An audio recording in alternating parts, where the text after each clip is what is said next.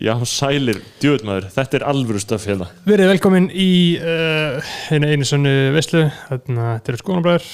Skoðanabræður með uh, sömu veisluna hver, á hverju einustu viku, á hverju einustu fyrstu degi og síðan á má þriði degi fyrir þá sem er á Patreon uh, Þú veist. Algjörlega, uh, á hverjum einasta föstudegi setjum við hérna á skeggstóla og rockum mækin uh, Að þessu sinni með einhverjum öðrum en King Dóra Armand. Einmitt, kallmaður vikunar er reytuvendurinn Halldór Armand. Það hefur lengi staðið til að fá þennan King. Einmitt, mikill king sko. Það eru svona, þú veist, ungi gaurar sem er að spá einhverjum kings hann úti sko þá er, Já, er hann 100%. einn af þessum alveg ungu kings. En Var er ekki það- út- var ekki út skáldsögu Einmitt, hann er ennþá ungur, hann er bara eitthvað 30 og Hann er fættur Trygg- 87 uh, hvað þá, 33, 33, já, einmitt.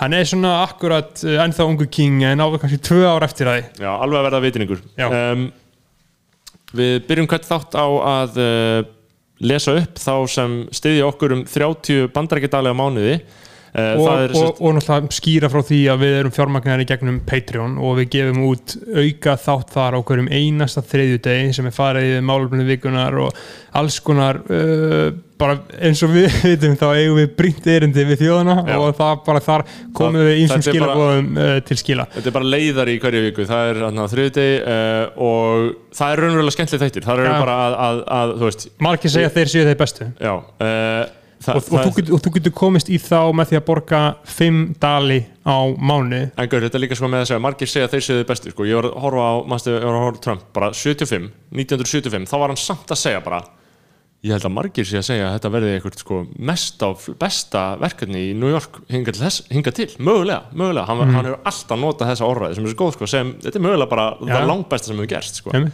að þetta er satt ég noti þetta rosalega mikið að þessi besta sem ég heirt eða besta sem ég horta á eða eitthvað svoleið sko. Já, en þú getur, þú náttúrulega segir þetta þá, þú, þú ert gengisfallin, skilur, þegar þú segir þetta þá hugsa ég ekkert endilega alveg, þú veist, ég hugsa jú, hann er alveg að tala um það sem hann segir, skilur en, en ég tek ekki alveg marka á að þetta sé það besta þú þarf nei. alltaf að bæta við lýsingar þetta er algjörlega langð það er Já, lang besta sem ég nokkuð mann. Algjörlega, en við höldum að fram að uh, það eru þrjár áskiptulegir inn á patreon.com skoðanabræður 5 dólarar, 10 dólarar eða 30 dólarar með því að borga 5 dólarar að fara þess að þætti einu sinni í viku og þú fær bara að styðja við frálsa filmunum með því að borga basically, þetta er ekki að borga fokkin raskat. Þetta er bara ekki neitt. þetta er 700 kall, en skiptir máli fyrir okkur að því að margt smátt gerir eitt stórt, Mhm. margar hendur vinna létt verk uh, sem getur borgað 10 dólar og þá getur til dæmis getur verið að hlusta hana þátt á þriðudeg eða á mánudegi eða sunnudeg við bara um leiðum búin að klippa og setjum við þangað inn og þeir sem borga 10 dali fá að hlusta þáttina á undan.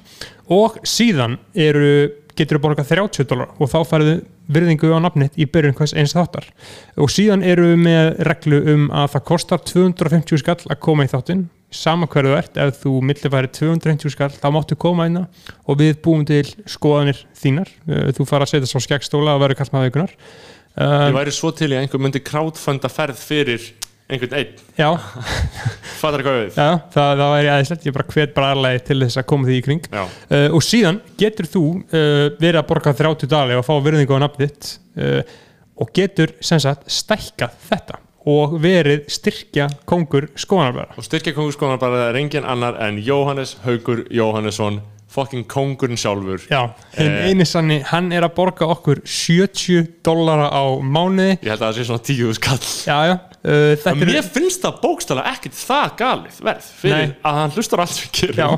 og, og svona, skilur og hann bara fær núna bara veit bræðlægið að Jóhannes Haugur er The boss. bara besti leikar Íslands. Já, við boss. bara getum verið algjörlega saman með það. The Boss. Þetta er bara Hollywood penningar að bankar á lokkur en á körðskötu hversu fallet er að hagkerfi í raun og veru? Já, það er æðislegt. Hann þarf að borga frá uh, stúdíónum og það fer í til okkar. Uh, og síðan alltaf í öðru seti þá er hann er búin að vera í harðari keppni við hann Tandra Snæð Traustason. Tandri er að borga 60 dala mánuði Jóhannes tók fram úr honum minna í síðustu viku uh, því miður. Um, þetta er búið að vera mikið barti hjá þeim. Og svo heldum við áfram listan þannig að við séum ekki endalust að þessu. Ömmitt, Erik Ólaf Eriksson, borga 30 Björgvin Ívar. Uh, Brynjar Guðmundsson. Nafnlaus Kvenmaður. Tindur Kárásson Úlfur Árnason. Kristoffer Daði. Tónlistamæðurinn Dirb T- Tindur Örvarsson. Hálfdán Sveinsson. Tómas Óli Eggertsson. Sverrir Jóhansson Geoffrey Huntington Williams. Nafnlaus Kvenmaður. Áskrimur Gunnarsson. Og Benedikt Bjarnason. Og það er alltaf sumt. Síðan er eitt king sem er Jónas Gretarsson að borga 1337 mér finnst það gangilegt Já, einmitt. Ma, ma, ma, Já, Jónas Greta Jónasson. Já. Þetta eru þeir sem að setja uh, ekst, ekstrem virðingu á nöfnin 30 dólar á mánuði. Annars, annars eru þið á leið inn í alvarlega veislu með Dóra Armand. Uh, og um, þá sjaldan sem ég mæli með ein, ein, ein fjölmjöðar Já, en þetta, þetta var raunverulega gott. Ég mæli líka með allir tjekki á bókunum að Saldárs uh, aftur og aftur og bróðir. Og við vindum okkur beint í uh, samtal Algjörlega. Fyrir hver að bakið um að sé bróðir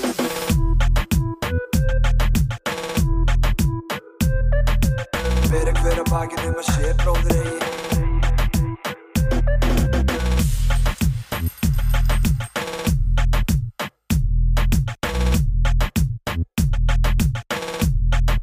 Ég er búinn að rekka hérna, við erum uh, í útvarfum 101 en Haldur Armand heldur hérna á morgunblæði best, fremsta, fremsta um, dagblæði landsins. Hva, hva, hvað er mokkanum í dag? Serðu það?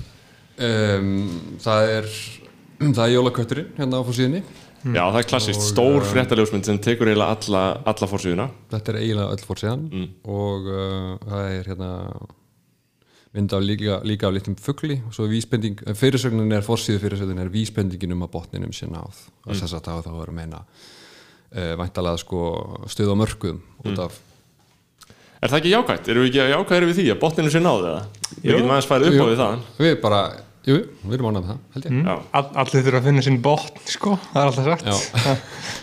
Já. Það Já. maður getið gert eitthvað, sko. Ma, maður segir þetta stundum um svona fíkla sem eru svona smá slæm stað og það er, maður talar um um að já, hann þarf að finna botnin sko. Já, þú getur ekki hjálpað honum.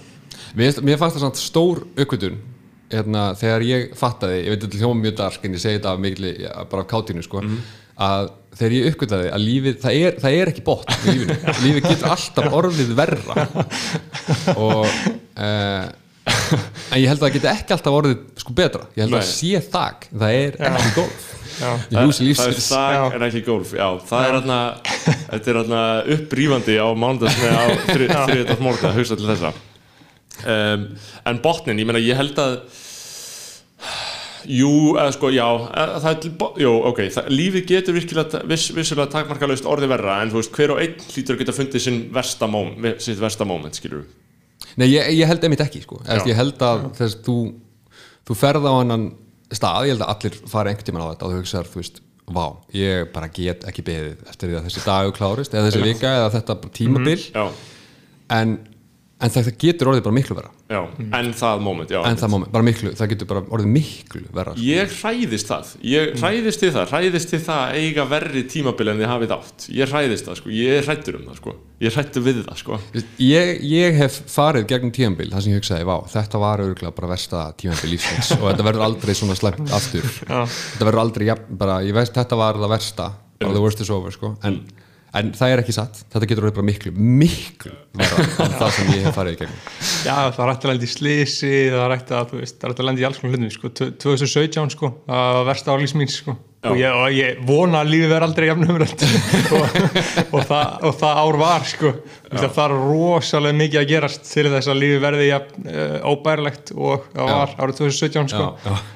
En þarna, þú veist, Ég átti líka, ég átti líka tímabil 2017 við sumarið sko, veist, það sem ég var eins og svona skip og ágjöfun er bara það mikil að bara þú fucking Já. neglir í ölduna skilur við hvert einasta skipti bara, hver einasta alda er bara svona já.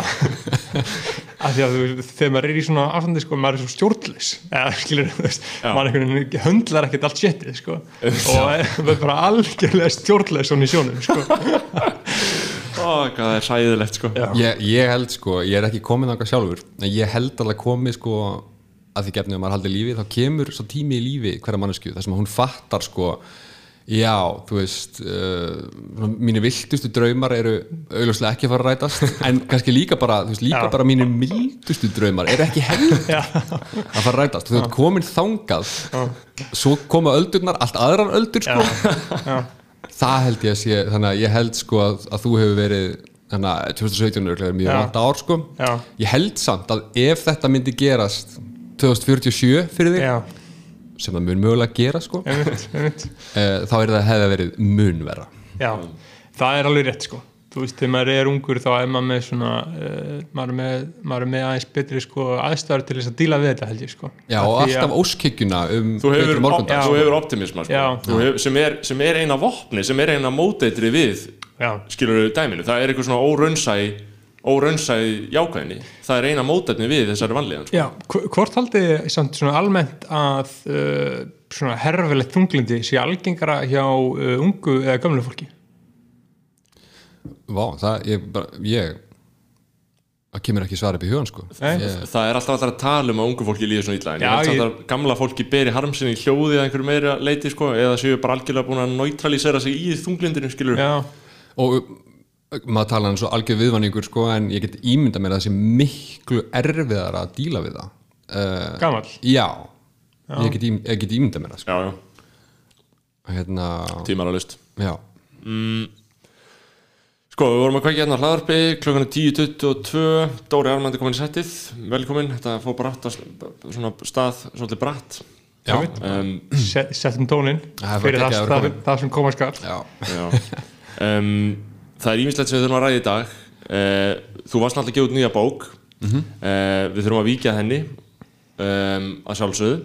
Uh, síðan þurfum við, þú veist, ég er búin að skrifa geðað mikið að heimskulum punktum niður, ég vænti þess að Berþós er búin að gera það sama og við höfum ímislegt að ræða uh, Hvernig ertu? Ertu ferskur eða? Jóla, hvernig er jólin að leggjast í þig?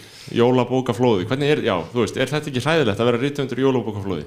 Ég, jú, ég held sko en að þetta fari misjaflega í uh, þess, þetta er svolítið skríti koncept á Íslandi að, að bókmyndir bara eru jóla dæmi, Já. bara eiginlega öllu leiti og hérna, ég held að ég veit, ég veit ekki alveg töluna ég held að sko bóksala á Íslandi sé bara 90% bara í desember eða eitthvað, ég held að sé bara einhver svona glórulaus glórulaust háprósenda sko. Uh, þannig að þetta er auðvitað fyrir mig, e, þetta er mjög hérna, bara erfitt sko a- að standa í þessu. Og við það bætist núna hérna uh, með, með hérna COVID-verunni og allt það að þú veist, það er bara þú veist, er fólk að fara í eh, bara, má mun, mun að vera heimilt að fara í bókabúð í desember skilur við, maður veit það ekki eins og þannig að það spilar inn í þetta, þetta er allt saman mjög einkennilegt sko. Já, um, og höfundur sem þarf að selja þarna þarf náttúrulega bara að, að, að fucking selja í, um jólin, skilur við Hvað hva, hva, hva bröðum eru höfundar að beita til þess að selja? Hversu mikið sko, liggur ábyrjun á þér sem reytuhundi eða forlæginu sem útgefanda? Mjög góð spurning. Um, Það er hérna, það er sagt við höfunda að þeir eigi hérna, eins og það var einhvern tímann orðað að láta smetla í sokkaböndunum sko.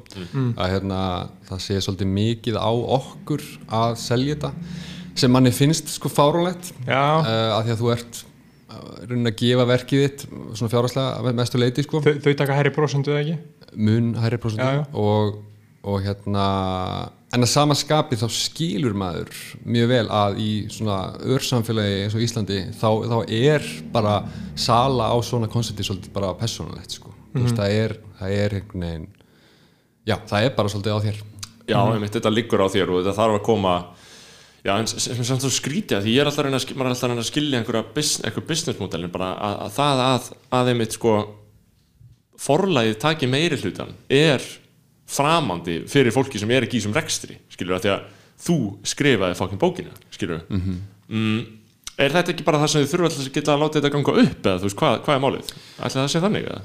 Jú, ég, eða, þú veist, ég ætla ekki að tala eins og sko reyt uh, höfundasamningar séu eins góðir og þeir getur verið ég held, að, ég held ekki sko en, en, en hérna, en jú, ég minna ég held að þetta sé ekkit, það er ekkit verið eitthvað að mala gull þarna í forlögunum sko. Nei. Já, ég minna, þú veist, jú, jú, það er einhverju toppar á fínum launum, er ekki það sko en, en þetta er ekki, ekki, ekki einhver biljandi gróðastar sem ég, alls ekki. En, en síðan alltaf var alltaf verið að, að um, uh, selja, selja forlægið Já, um, sem það var að selja þig. Þú varst seldur, er það ekki? í raun og veru, með eða réttindina þér voru seld Jú, örgulega sko mætti orða það sem réttindin að mínum fyrri er, hafa, voru seld bóttið, sko, til svíja og hvernig líður með það? Hvernig, hvernig líst þér á svíja? ekki það að þú þurfa að fara að ráða ég að fá þetta að ráðast á forlæði hérna, en þú veist, hvað, þú veist að því að hva- hvað er með þessa svíja, skilju, hvað, hvað, haldið þið um framtíðina, skilju? Já, ég, þessi, veist, þetta, þetta er gríðarlega umdeilt í, í stjettinni og bara bókmyndaheiminum kannski er ekki við bakgrunn að þess að uh, forlæðið í Reykjavík sem er stærsta, stærsta bómyndaforlæðið var, var selt á dögunum til Storytel sem er í rauninni aðalega hljóðbókar mm. framleiðslu risi sænskur að uppruna en hérna er, er mikið að kaupa forlög núna í Skandinavi um, Já, þetta er bara mjög umdilt en ég sjálfur, ég veit ekkert þú veist, ekki heldur, ég, ég, ég, fatt ekkert hvað þetta þýðir. Já, það, það, það hef, við höfum í rauninni ekki séð neitt. Nei, ég meina, ég, ég hugsaði kannski er þetta bara gott fyrir okkur öll þú veist, uh, kannski ekki en það verður bara svolítið að koma í ljós Einmitt, af því að meiri segja sko forlagsmegnar er ekkert komnar en að Storytel. Nei, það er eitthvað, eitthvað, eitthvað lag á því sko. Já, það er mjög skriti en það sem ég finnst áhugavert sko, hvað er mikið sko, boom í gangi úr Storytel það eru þess að fimm upptökuherbyggi hjá þeim Já, og þau eru bara uppbókuð allan daginn. Já, það er, er bara færiband. Það er bara greinilega einhver uh, sænskur sænst business fólk sem er bara að sjá þetta og eru bara að betta á þetta. Mér finnst það magnað sko. Já, alveg að betta alveg harkalega á þetta sko. að því að auðvitað, er þetta- auðvitað hefur orðið bylting í, í neysláðum við erum bara eitthvað, það er allir alltaf ég er alltaf sjálfur hlusta ekki á hljóðbækur vissulega, sko, ég gera það aldrei ég hlusta bara hlaðvörp, en það er samt oft hlaðvörp sem ég verið að lesa eitthvað upp helst, en, en þannig að þú veist ég gæti alveg hlusta á hljóðbækur, en þú veist, hlustið þið á hljóðbækur? Nei, ég gerði það ekki sko. Nei. og það er bara vegna þess að ég, finnst ég hérna, mér finnst það bara svona erfitt að taka inn upplýsingarnar að mér finnst ég oft bara að missa þráðinn og ef ég missi þráðinn í hálfa mínútu þá þá var það eitthvað að spóla tilbaka og allt þetta. Þannig að mér, ég hlust á, á hlaðverp sko en ekki hljóðbækur, en hins vegar skilja mér vel að, hérna, að þetta hendi mjög mörgum sko. Já, er Já, ég, ég er bara með svolítið reglu sko að ég hlusta ekki á hljóðbók sem að ég raunverulega þarf að lesa skilur þetta, ég, ég hugsa þetta meira sem svona ég skima yfir bókina. Já. og þá, ég, þú veist, ég er með audible sko en ég hlusta bara á eitthvað svona græðisögur og eitthvað svoleiðis shit sko. Uh, bandarist sko, sem er alltaf lægi að detta þess út eins og þú sagðir, þetta er ekki að sama að lesa sko. Nei, nei. ég myndi aldrei setja það, setja í sama flokk sko, þótt þetta sé sama form einhvern veginn sko. Ég er að hugsa um þegar við förum að tala um svíjan og tala um sænskan sérfræðing og myndi eftir grein sem ég er að lesa í mókanum uh, í gær, sem var í blæðinu í gær uh, frá tveimur svíjum uh, mjög svona einhver random einhver ráðgjafar hjá I og GT einhver samtök sem engin veit hvað er og þau voru að tala um vinnbúðir uh, og um, þetta er út út úr áður en við höldum áfram að tala um bækur sem er náttúrulega þarna helsta áhugaðni okkar. Uh, og þau voru að tala um vinnbúðir og þau voru að segja, skilur, þau voru að mótmæla um, áfengis, áfengisfrumvarpi áslögar örnum og þetta er eitthvað sem ég langar líka að ræða í þessum þætti sko, bara uh, að því ég myndi alltaf inn eftir þessu. Uh, það er að fara að gerast. Áfengi er að fara að engavæðast inn á Íslandi. Að áfengi er að fara ef, ef, ef þetta er samþykkt. Við höldum að tala um bækur hvað, finnst ykkur um það? Því við höfum rætt að mikið í þessu hlaðvarpi Berður uh, það er hvaða þýðir að einókun sé aflétt á áfengi og hvort það sé æskilegt? Hvað, Dórið, þú hlýtur að hafa skoðun að þessu. Hvað heldur Já, ég, líka tek fram, ég er mjög til í að tala um eitthvað annað en bækur sko, Já. bara það sé reynu, ég, Já. ég kom með algjörlega nú að því, ég er líka al- alls konar skoðanir þar. Uh, ég er náttúrulega bara mjög lindur því sko, að þetta fáist hvað sem er. Uh, Já, ég bara er, er þar bara algjörlega sko. Ok, af hverju? E, e, fólk eins og ég segir, þú veist, þetta er slengt fyrir líðhelsu Hvað Þú- þú segir það raunverulega? Já, já ég, ég, ég hugsa, ég er íhaldsamur í einhverju leiti í þessu, sko, ég veit ekki alveg hvort ég vilji þetta frelsi, sko. Hver, hver, hver eru, eru hinn rökin? Er ekki fleiri rök en þetta er slangt fyrir líðhelsi eða? uh, Að leifa ekki áfengi í verslunum? Já, um, Ég veit ekki, bara hattur á áfengi ég veit, ekki, ég veit ekki hvaða rauk búa baki þessum, þessum óljósa vilja mínum um að vilja ekki að þetta gerist uh, Ég meina, er þú ekki líka á því baki? nei, nei, ég bara vil fá þau um allt sko Þau vilja leifa áfengið og Ég þetta, sjálfur drekk ekki mikið sko Nei.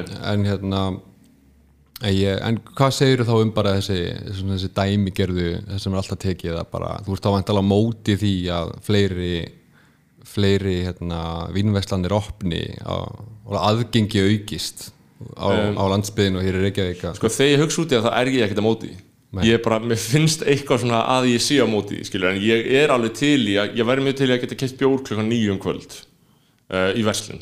Væri það ekki æskilegt það? jú, þú sjúklega basic og alveg eins og þetta með þú veist að þú getur panta að setja á netinu hvað sem er, Já, þetta inn en þú já. getur ekki Já, en þetta er vel hættar áróður sko, sem þau það. eru búin að vera að keira á hann- þessu sko. og hann, hann er búin að, virka, búin að virka á mig sko. ég hugsa bara raunverulega bara að ég sé ekkert uh, á móti þessu. En það sem svíjarnir voru að segja, það er svona að vera svona ánægð með svíjana sko, það svona vakti þessi greið með umhverfisuna, þeir voru að segja, sko, þeir voru á móti löglengingunni, sko, eða móti af, afnámi einogunar og þeir voru að segja, sko, við þurfum ekki að afnema einogun á áfengisverslun til þess að jafna, jafna samkeppnisstöðuna. Það er alltaf að tala um, sjálfstæðmenn er alltaf að tala um núna, jafna samkeppnisstöðuna á milli skilu þess að þú getur pantað áfengi bara á netinu og láta það koma hindi inn frá útlöndum. En það mátt ekki gera á Íslandi.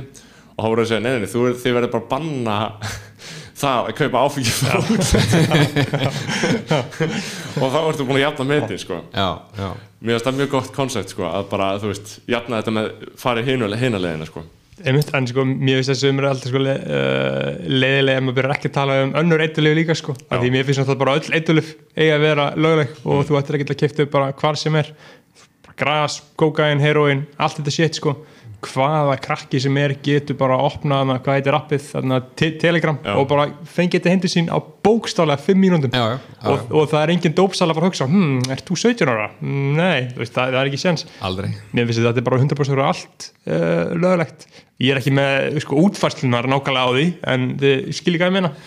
Pappi minn hefur alltaf sagt sko að það sé hinn eini sannýrin eða besti sko mælikvarðin á menningarstig þjóða sé hvort það fæst hérna, áfengi á bensinstöðum mm. að það sé svona, ég veit ekki alveg hvað, hvað hann myndi segja um hvort að þú veist að ég fást ketamin hérna á, á enninum sko. En, en hérna, en algjörlega ég er hérna að samlega sko. og, já, en, og, og þannig að við erum á veist, það er, það er gott menningastíg að það fæst áfengi á bensinstöð mjög hátt já, já, mjög hátt, spátt spátt Já, bensinstöð á Spáni ég, ég hugsa um bensinstöð á Spáni ég held, veit ekki, ég held að það fáist ekki áfengi í, á bensinstöðum Spáni, heldur það? ég held, með minnir ekki. Jú, Eh, jú, pottþétt. jú, algjörlega sko. Já, Ég held 100%. alveg 100% spánverðarnir og súpermarkaðinni það er gæðveitt að koma inn í Carrefour og fara í vindeldina bara veistlu sko. Já, það er svo fucking mikið úrval og bara svo ódýrt. Þegar ég, ég fór skiptinám til Madridar og þá hérna þá bara mæti ég í Carrefour á day one skilur og það er bara hérna Don Simon rauðvins ferna Já. Já. á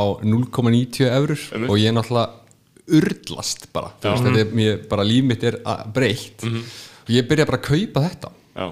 og gastu drukkið þetta? já, ég drakk þetta. Og, og hérna og meðlegundu mínir, spánverjar náttúrulega fengu áfall, þú veist, þetta væri bara einhver, eh, þú veist það var ekki það að þið lita á mig sem steinaldarmann. Þetta var bara eins og bara gimvera skilur, þetta var bara fullkomlega sturdluð hegðun að kaupa þetta vín. Þetta er náttúrulega vín til þess að blanda helst í svona, svona þú veist, svona sangríu Já, og þeir, og þeir segja sko, sögðu við mig byrju, þú veist, þú, drek- þú, veist, þú, þú setur þetta út í kók eða, eða sangri eða eitthvað svoleiðis sko, já. og þá, hann að fannst með menningamunurinn kom í ljós að einhvern veginn sko að rauðvín fyrir þeim Já. var eitthvað sem þú setur út í kók, ódýrt á meðan ég, fyrir mér er varan svo dýrmætt að ég myndi aldrei reyni flekkana með, með því sko, Rauð- að blanda henni. Rauðvín er auðvirðilegt á Spáni sko. uh, en, en algjörlega, á, áfengi í verslani ég veit ekki, já, þetta væri heldur bara gott en líka eitulif almennt en það þyrfti náttúrulega að standa mjög vel að þessu, þetta gæti náttúrulega Já ég það, veit, það mætti alveg vera eitthvað svona á, á, á tíu að ferð. en bókstælega, það er svo magna við þetta að maður er svona, maður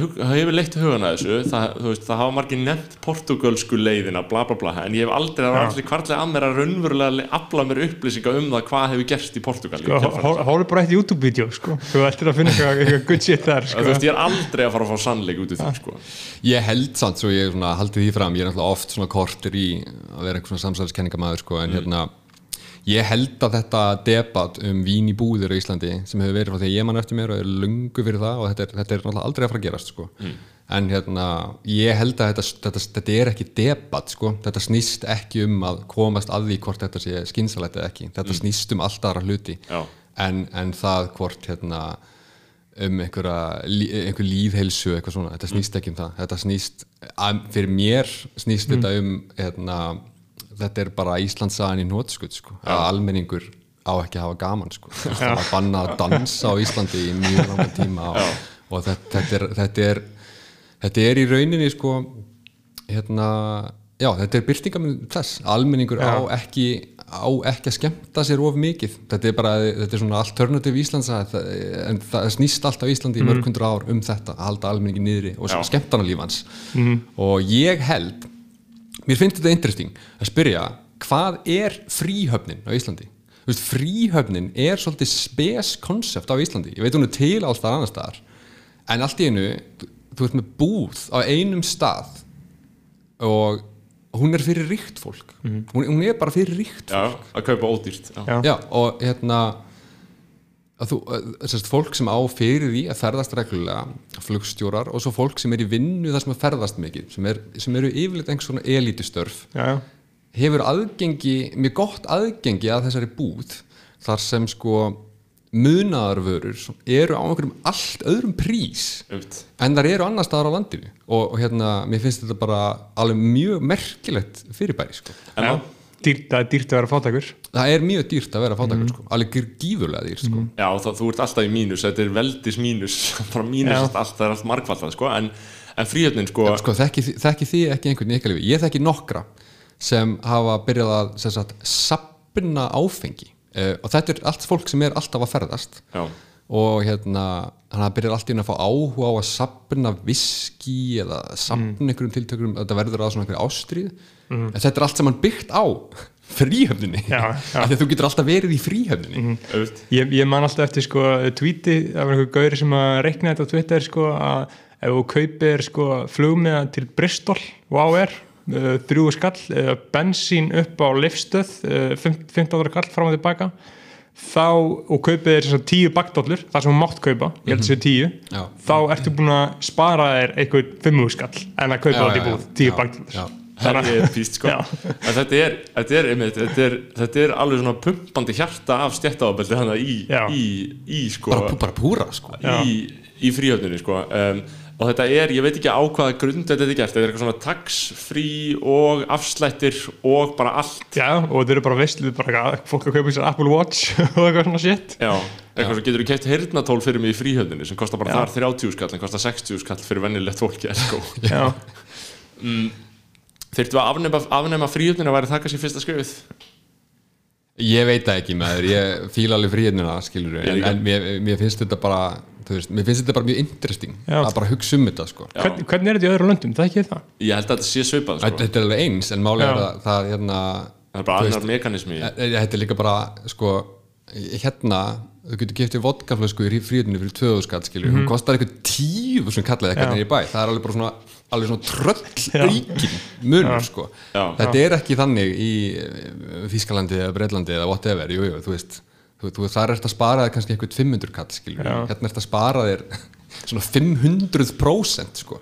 Ég dýrka samt hvað áfengi er sko, þú veist, þetta gerir þú veist, bara áfengisbannið sem ríkir á Íslandi eða þú veist, áfengis einogunin uh, og allt þetta dæmi, þetta gerir áfengi að svo sérstakri vöru, sko, þetta gerir þetta að veist, hún, þetta eitrar vöruna af einhverjum svona, þetta gefur henni líka ákveðin þokk Já, sko. og náttúrulega líka tu- 20 ára aldurstakmarki, sko. Og 20 ára, ég man þegar ég var 16 ára eða 15 ára, komið heim frá Spánur einhversu sumabúðum á vegum móðum minnar. Þá fór ég með, þú veist bara þrjár svona stórar ef ekki líters eða eins og hálfs líters flöskur af vodka og gini í einhverjum svona handfarangri. Og þú veist, þetta var bara massíft kontraband að koma þessu heim. Að þú gæst kæft þetta á flugullum á Spáni á svo fucking lítinn penning þú gæst kæft þetta bara á þúsungall og þetta gæti bara bjarga fjárhæðin um heilt sumar að ná að smigla svona shit inn Já. já, já, að þá þurftur ekki að fara í Kosken Korfa á 4000 krónur fyrir 350 millilítra sko. ég veit ekki hvað það kostar núna, ég veit ekki hvort það er búið að hækka. Um, en já, löglega áfengi ég held að væri svo sem bara allt í lagi sko. ég, Ég held líka, ef svona ræðum aðeins með það, ég held, það er mín tilfinning sko, að hérna, ég held að Íslendingar eigi svolítið spes samband við þetta fyrirbriði út, út af því hvað þetta er í rauninni. Þetta er, þetta er svona mikil bara mikil peningar í þessu sko. Að þú, það er augljós kvati í því að ef þú ætlar að fá þér, þið langar í eh, bjór eða áfengi þá ertu með kvata í að fara veist, þetta er bara svo leið sko. já, Já, það, er, það er ekki, það er rauninni já, þú veist, það er bara svona, er ekkit sérstaklega þú veist, það að fara nákvæmt bara frá þér, fá þér tvo bjóra og einhvern veginn setja 2500 kall í það sko. Það borgar sig ekki alveg sko. Nei, og þess vegna held ég að þú veist, hérna, það er líka, það kvílir svona ákveðin skömm yfir áfengi náttúrulega í Íslandi og, og bara almennt, ef þú færð til útlanda þá er þetta ekkert alveg þannig, þú veist, eitthvað svona danir. Þó að danir séu örgulega mjög alkohólikur og mjög slæmir, skilur en þú veist, ég held að það er einmitt, þú veist, það er eitthvað þú veist, þessi klísjur, ég náttúrulega þekki ekki í Danmörku eða danska menningu nógu vel, þú veist, það er eitthvað svona þú færð eitthvað bjór þegar þú fermist eitthvað, það er allir frekar slagir og það er bara drukkin bjór og fólk er bara frekar rólegt með hjá, þú veist, hjá okkur á Íslandi er þetta, það er skömm yfir áfengi sko, og mikil skömm sko. Og einmitt hvaðin að, hvaðin að fara all in sko, þú veist, ég þekki það bara tvö dæma mínu einn lífi sko, bara að Já. og kefti sér síðan einn af því, af því að maður bara þurfti að vera nóg fullur til þess að þurfa bara að köpa sér einn og líka bara á mentaskólabölunum, mátti maður ekki drekka inni skilur, þá þurfti maður bara að uh, spara sér pening Nei, og bomba sér sig fyrirfram sko. já, já, Einmitt. en, en þú veist, ef við séðan útvíkum þetta og pælum í því bara hvernig pólitík, uh, hvernig, pó- hvaða pólitík er að baki þarna, skilur, og sem er einmitt eins og segir, bara hugsanlega að, að almenningu með ekki hafa gaman og að það sé gott að það sé ekki gaman, skilur, að það sé gott að þjást um, er þetta haldið að þetta sé ríkjandi hugafarið þú veist, það, það er auðvitað pólitísku vilji fyrir að hafa þetta svona, við kjósum ekki flokka sem vilja breyta þessu Já, ég held að þetta væri ef þetta er rétt þá held ég að þetta sé svona eitthvað sem væri kallað svona pólitísk dullvitund sko. Mm. ég held að þetta sé ekkit endilega upp á yfirborðinu að sé eitthvað mikið að þingmennum sem hugsi raunverulega ég vil ekki að fólk hafi gaman sko. En, en þetta er svona eitthvað bara mjög djúbstætt held ég í, í menningunni sko. Mm. já, já um, já, ég bara trúi fullkomlega sko. en þarna og svo er það með klubbana, við höfum líka rætt klubbana það má ekki vera opið lengur en fimm skilur já, við rættum það einhvern veginn þegar við vorum að tala við Jeff hérna, að það þurfti að opna klubbar út af granda sem væri alveg reif klubbar um, uh, en maður sér það náttúrulega ekki alveg gerast endilega sko, en, en þú veist ég held að þekki, þekki fólk sem rak hérna ákveðin svona klúb sko. Uh, og sem var mjög dedicated og í þessu að, halda teknokvöld og halda svona klubbakvöld og svona sko. og þú veist og það gekk alveg mjög vel og allt, allt ekkert upp á það að klaga sko. en ég veit að, að þeim, það var svolítið svona þú veist það var svona svolítið erfitt að þú veist að einhvern veginn komið veg fyrir vesen sko. þú veist það var svona hérna eins og, ég veit ekki, til dæmis eins og klubum í Berlín og svona, þú veist, það það er myndað svona ákveðið andrumsloft og það er svona ákveðin ég veit ekki, en einhvers konar bara lífstílega hugmyndafræði sem er nátengd þessu dæmi sko, að fara á, á klub og dansa við tekno eitthvað, en hérna var þetta svona, þú veist, þeim fannst held ég að ég megi segja erfitt að ná fram þessari stemningu á Íslandi vegna þess að að þetta var, veist, fljótt að breytast í einmitt all in áfengistri neslu Já. sem er, sem er hérna bara skapar alltaf ákveðið andurslótt sem er erfitt sko. já, ætli fólk vilja bara beita, ofbeldi á klubum á Íslandi eða það eh, ekki ólíklegt sko. þess að bara að áfengi sé svolítið þannig sé svolítið svo leið sko. Mm. Já, ég meina þú veist þeir, þeir lengdu opnuna díman af því að ef þeir lokuðum klubunum og snemma þá fór allir bara út að gutta slást. Já, það er bara eitthvað fakt, þetta er bara gert. Já, já, það er mi- minnst það mjög gott. Ég, þetta er áhugast að heyra hvað þið segið að ég, sko ég hérna mér leiði alltaf þegar ég var að fara á djammið hérna fyrst og mér líður alveg ennþá þannig í, í Reykjavík og ég vil ekki, þú veist, ég vil ekki hljóma eins og einhver heimsborgari sem þekki djammið annar staðar og, en, og í rauninni hef ég bara upplifað sko djam sem hérna mér finnst einhvern veginn henda mér sko í, í Þýskalandi en, en mér, mér þótt alltaf því ég var yngri og mér þykir það ennþá ég var svona smá svona beigur í mér þegar ég var að fara niður í bæ að ég var alltaf pínu svona veist, ei, ég hef ekki lent í ofbeldi ég miður bara ekki ekkur en eiginlega allir sem ég þekki hafa lent í einhverju veseni eða og yfir í bara svona fullkomlega tilhyrnislaust ofbeldi sko. Og hérna að, mér- hefur alltaf þótt mjög aggressív stemning hér í skemmtarnalífinu sko Ég mun aldrei gleyma því, fyrsta sinn á æðminni sem ég fer nýri bæ, menninganótt 2012, þá sá ég bara brjáluðustu slagsmál, ég sá bara mjög frægan uh, rappari, ég að nafngrinan, uh, frægan rappari þá árið 2012, bara vera gjörsamlega lamin í stöppu af dyrravörum og vinir hans sem móti þa- þessi slagsmál, ég mun aldrei gleyma þeim, sko, bara blóð á jörðinni, bara að hrinda hverju öðrum og það stóð í svona þrjá mínútur og þetta var bara ég 17 ára í fyrsta sinn, fullkomlega fyrsta sinn nýri bæ, sko. já, Og síðan þá hefur maður séð hundrað slagsmál. já. Já, hvort já, þetta sé sér íslenskt, ég, Nei, ég held ekki sko. En ég held ekki sko en, ég held að breytaðni sé alveg svolítið að vinna með þetta líka, Já, sko. menn hvernig fannst þér þetta spáni? Já, Spáni, þar er þetta, þú veist, ég held að þar sé þetta líka, þú veist, það er svona fjóri-fimm gauðra saman í svona litlum gengum, gengum, sko, þú veist, ég held að það, og það er náttúrulega, þú veist, Spáni er náttúrulega bara, það er bara allt annað upp á teiningnum þegar fólk fyrir að djama, sko, þú veist, það var allt annað fannst mér, sko, fólk fór mjög seint út en, og, og náttúrulega drakk á götunni, skilur, Já. Já. bara með Bóti Jón og, og þarna, e, svo framvegis og mikið með bíla sko, ég fíla ógeðslega mikið pælingur um að bílinn sé, bílinn sé svolítið svona central í djami þú veist, bara bílinn, það er hátalar í bílinnum þú gefur mig drikkina í bílinnum uh, og þau eru á bílinnum gengið, skilu, það er svo fucking ógeðslegt sko. Uh, Þau en, þau- þau gera full? Já, og svo er það önnur spurning við gerum auðvitað fucking mökkuð alltaf Já. sko.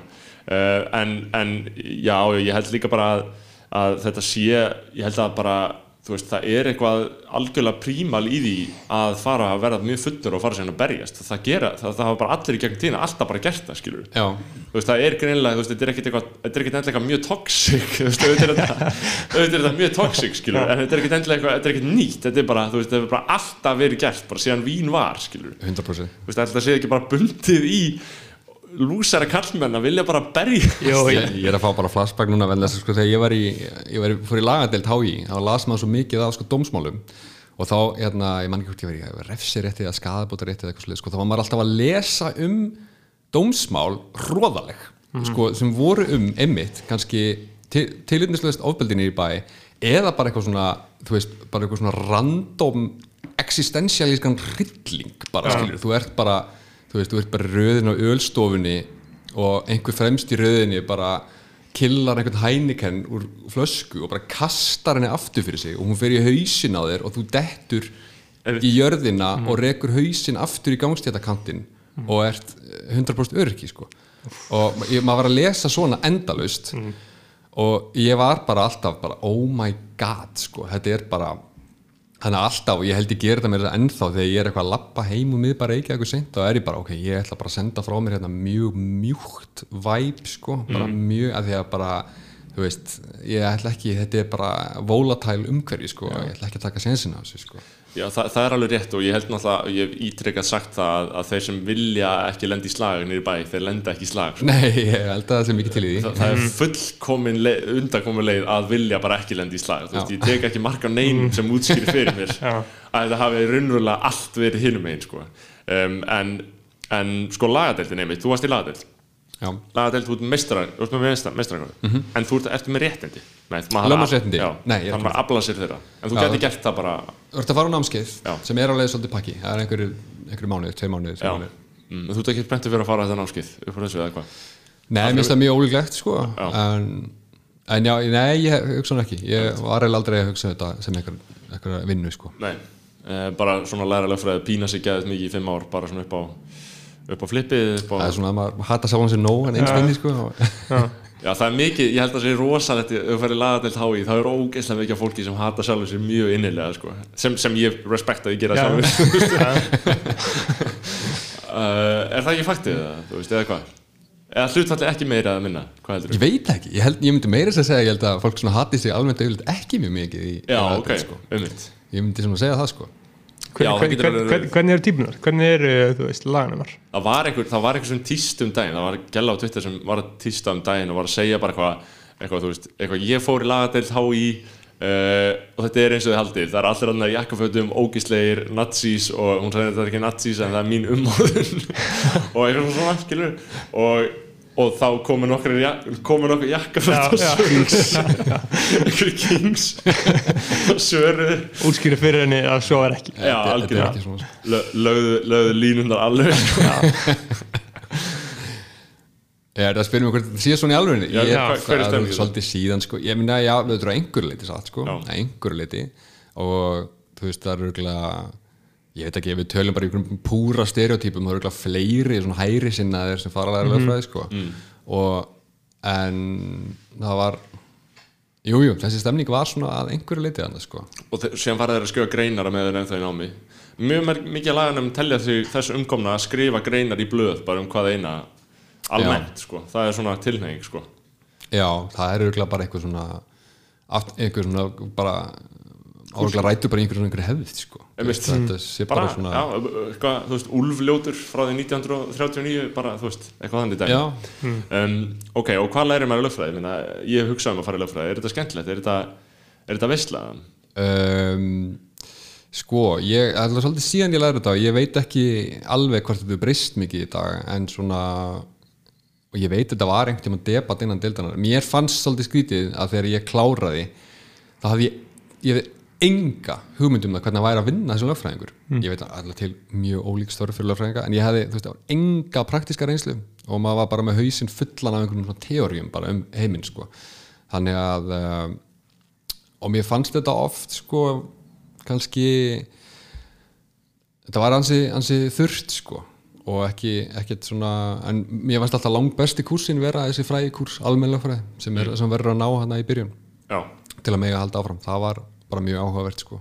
þannig að mér finnst sko, finnst konsepti lögfræði er gífulega áhugavert sko. og hérna en þetta er rosalega misjant eftir eftir kursum, bara hversu interesting þetta var. Að því sögðu, þá er sko bókin skadabótaréttur eftir Viðama Mattíasson, sem er núna hæstarættadómari það er einn besta bók sem ég hef lesið það er einn skemmtilegasta bók sem ég hef lesið sko. og gæti ég tekið hann upp bara og, og, og lesið já, það geti það Já, um, um hvað erum bara skadabótarétt og bara reglunar sem, sem gilda um skadabætur en hún er náttúrulega uppfull af, af svona dómum. Já, bara sögum. Já, sögum bara, Já. endalausum sögum sem eru skrifaðar í snildalögum stíl sko. og, og hérna kannski, kannski það sem ég tek mest frá laganáminu er bara nákvæmlega þetta sem var að lýsa um miðbæinn, sko, þú færð einhverja sín á bara svona allan þann fjanda sem kemur fyrir í heiminum, sko, það er svo styrlað, sko, og að fá svona áþreifanlega tilfinningu fyrir Já. því og afleiðingum þess. Og þetta er líka ef þú hugsa út í það, þú veist, ef þú hugsa um dómstól skilur þetta er, að svo, þú veist, ef að eitthvað mál fer fyrir dómstól þá fer í gang uh, ferli sem felst í sér að það verður bara massíf úrvinnsla hjá fjölda fagmanna á sögunni. Bara hvað gerðist? Það bara, þú veist, þetta er eins og tíu rithöfundar myndu sammælast um að bara, heyrðu, gerum þessu skil. Já, skilur, bara gerum þessu alveg skil og skrifa þetta frá mörgum sjónarhóttnum nálgast þetta lögmaðurinn, einn lögmaðurinn skrifar þetta svona, eða lítur svona á þetta, hinn svona dómurinn þarf að finna eitthvað meðalveg, skilur. Þú veist, þannig að þú veist, einmitt þannig að textin sem hlýtur að koma út úr þessu er náttúrulega getur bara verið fágætur og góður skilur, algjörlega, sko. Um, uh, og ég var eitthvað manna í, í með þess að skáldsögnu þinni aftur og aftur, það var eitthvað sem lendi ykkur hurð, ringhurð Já, uh, var það ekki? Var, jú, jú, jú, slasast í enna ringkurð í kringlunni Slasti ringur, er það úr skadabótaréttinum? innblásið, innblásið af því sko. Það eru mörg hróðaleg skadabótamál sem hafa hérna, átt sér stað í vesl, íslenskum vestlunarmiðstöðum sko. Já. það er bara, þú veist, einhver hérna bara actual mál sem ég man, man sko, þú veist, það er einhver búinn að skúra gólfið við við hérna hérna rennistíðan sko mm. Og þú veist, þau getur svolítið gefið ykkur akkurat. afganginn sko, Já. veist, Og og, og þá er það sem er svo snildalegt eða snildalegt, ég er hræðilega orðað að, þú veist, það sem er svo interesting við, við þennan þennan hluta heim, bara veruleikans er að þú veist, ok, þannig gerist eitthvað ægilegt, það er of bónað, það er nýbónað golf og einhver dettur ill, mjög ill og slasast mjög illa sko en það eina sem skiptir raunverulega máli í augum domstóls eða lögfræðings er, þú veist setti starfsmæðurinn sem þarna hreinsaði gólfið einhverjar, nógu vel, einhverjar merkingar um um að gólfið væri blöytt mm -hmm. það skiptir í rauninni engum máli hvernig manneskinni sem lendi í þessu líður eða hvað henni finnst um þetta eða hennar bakgrunn eða eitthvað. Það kemur máli bara ekkert við. Einu Já. skipt máli er, var eitthvað lítið skilti sett upp þannig að sá sem var að labba þarna mátti ætla að gólfið væri hált og ætti þess að passa dadara, og svo framvegis og, og þetta er bara svo, svo furðuleg leið til að horfa á heiminn sko. að það verður mjög áhugavert eru, eru skadabætur á Íslandi good shit eða? með að við svona annar staðar eins og maður sé í bandaríkjum þá er svona mjög mikið verið að vinna með þetta sko. ég maður alltaf eftir myndinni þarna, I love you Philip Morris sko, sem að Jim Carrey og Ewan McGregor sko, eru bara scammers að gera Já, þetta já, sko. já. epic mynd, end, enda í fangilsi sko. uh, og síðan líka náttúrulega uh, manni eftir einhverju svona það var svona Walmart skilti og tíðið var svona lafandi og gauður fyrir neðan að býja eftir að detti. Já, já, já. skilu en, en sko þetta er, þetta er, þetta er ákveðin kategória í í, bandarískum- í bandarík, einmitt og þess vegna hef ég áhuga á, sko, veist, er fólk að vinna með þetta á Íslandi? Mm, ég þóri ekki að fara með það, ég maður alltaf tekur eftir það er miklu meir um það núna að einhver fyrirtæki er að auglýsa eitthvað slísabætur og, þannig að ég veit ekki alveg en ég, ég, ég á veginn sem lendi bílslýsum daginn og að koma hann mjög ánægilega og óvart hann fekk mikið í bætur sko. Akkurat, maður ma- maður alltaf að ég sá einhvern veginn á Twitter, sko, að einhver kemur í nýja íbú sem einhver er að kaupa, bara ef ungu fólki, sko, bara ok, þú veist uh, hvort eru fóruldreginir ríkir eða lengt í slisi Kingslís Já, já, algjörlega. Góð spurning, en ég held að, ég held að sko málið er með, með þetta í bandaríkjum ég hlustaði á kommunista í bandaríkjum ræða þetta mjög ítalega uh, hvernig sko þessi frásögn um að bandaríkjumenn séu ógeðslega zombies sem er alltaf að reyna að uh, láta eitthvað gerast við sig til að fá já, já. bætur þessar frásagnir, allt þetta, þú veist, allar þessar bíómyndir alla blaðgreina, við höfum öll þessi hundra greinar um þessi fjekk, skilur, tvær miljónir fyrir Já. að því að hann heldur sjálfur kaffe á hausinu á sér, eitthvað svona endalist af svona sögum eru bara framleitar af think tanks sem eru, skilur, bakkaðir af fólki sem veist, stórfyrirtækin vilja breyta lögunum, veist, þannig að þau þurfi ekki að borga þessa skadabætt já Þú veist, það er mikið hagsmunamál að milda refsingu fyrir það að valda einhvern skada þannig að þið búa til hennar, hennar fáranleika þannig að það er komin í hausin á öllum í heiminum til þess að breyta að, að dálítið. geðið mikið að fáranlegum scams í gangi í bandaríkjum Þetta, þetta er náttúrulega sko, þessi ameríska litigation menning Já. að vera alltaf að höfða mál er náttúrulega í grunninn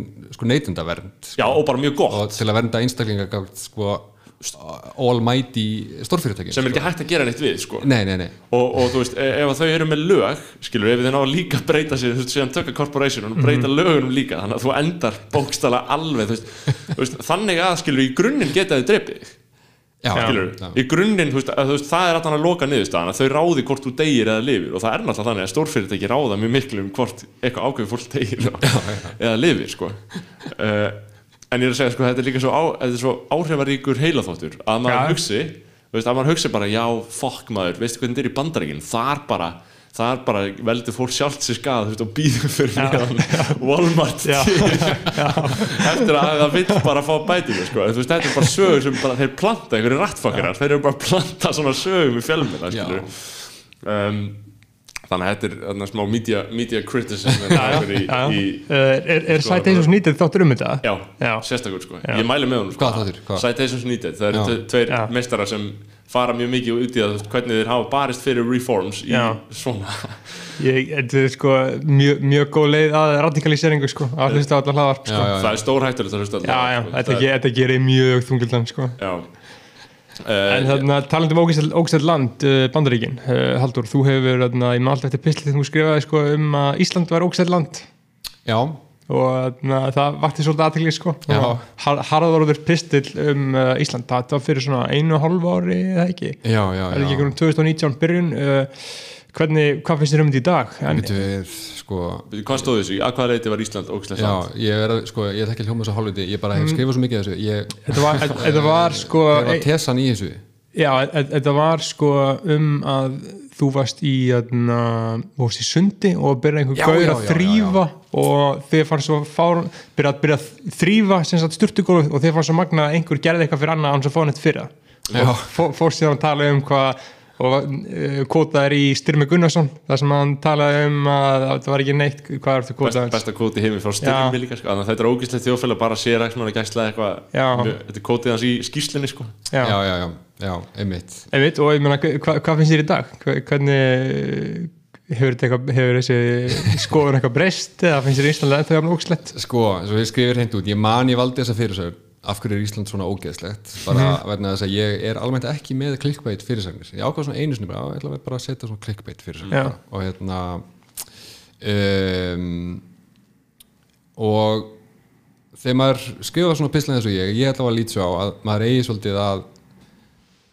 bara ekki hvað maður að segja, tala hreint út en líka bara svona að opna á eitthvað opna á einhverju óþægilega hlýðar Já, En það er þá alltaf einhliða frásögn skilur, auðvitað eru alls konar önnur sjónarhótt á þetta mál veist, mér, mér finnst Ísland ekkert ógislegt land sko, og ég aldrei finnst það eitthvað, eitthvað ógisleira en önnur, en það er bara það sem ég var held ég að tala um í þessum pisli það er bara svona almennt ástand í uh, einhverjum síðkapitalískum þjóðfélögum sko. það sem að er bara mjög erfitt að koma auga á einhver svona sameinandi prinsip eða einhver svona einhver, einhver grundvöll fyrir einhverju sameinlegu bara í, þú veist, og eh, einhverju sem ég kalla, þú veist, og er áttum að því að þetta er kannski svona smá populist en bara, þú veist, er einhvers konar náunga kærleik. Og ég man að þetta komir runnverulega óvart því ég sá hann mann í, ég sá allsberran mann í sundlög bara moppa gólfið, óumbeðin sko. Og hérna en þú veist hvað finnst mér um þetta í dag? Ég er náttúrulega bara ennþá á þessari skoðun og ég vil ekki vera, ég veit ekki hversu djúpt við um að fara hérna en þú veist, þetta er, fyrir mér endar þetta í bara hvað, hvaðan koma síðalögumál og hvað er mannlegt samfélag? Hvað bindur saman mannlegt samfélag? Og þú veist eru til einhver síðalögumál sem, sem sameina okkur, bara, til dæmis bara veist, og sameinumst við um eitthvað? Og ef svo er hvaðan kemur það? Og kannski er það svolítið einfældningslegt að segja heyrðu, einu svona trúði fólk almennt á Guð. Eða í það mista lét eins og hann væri til.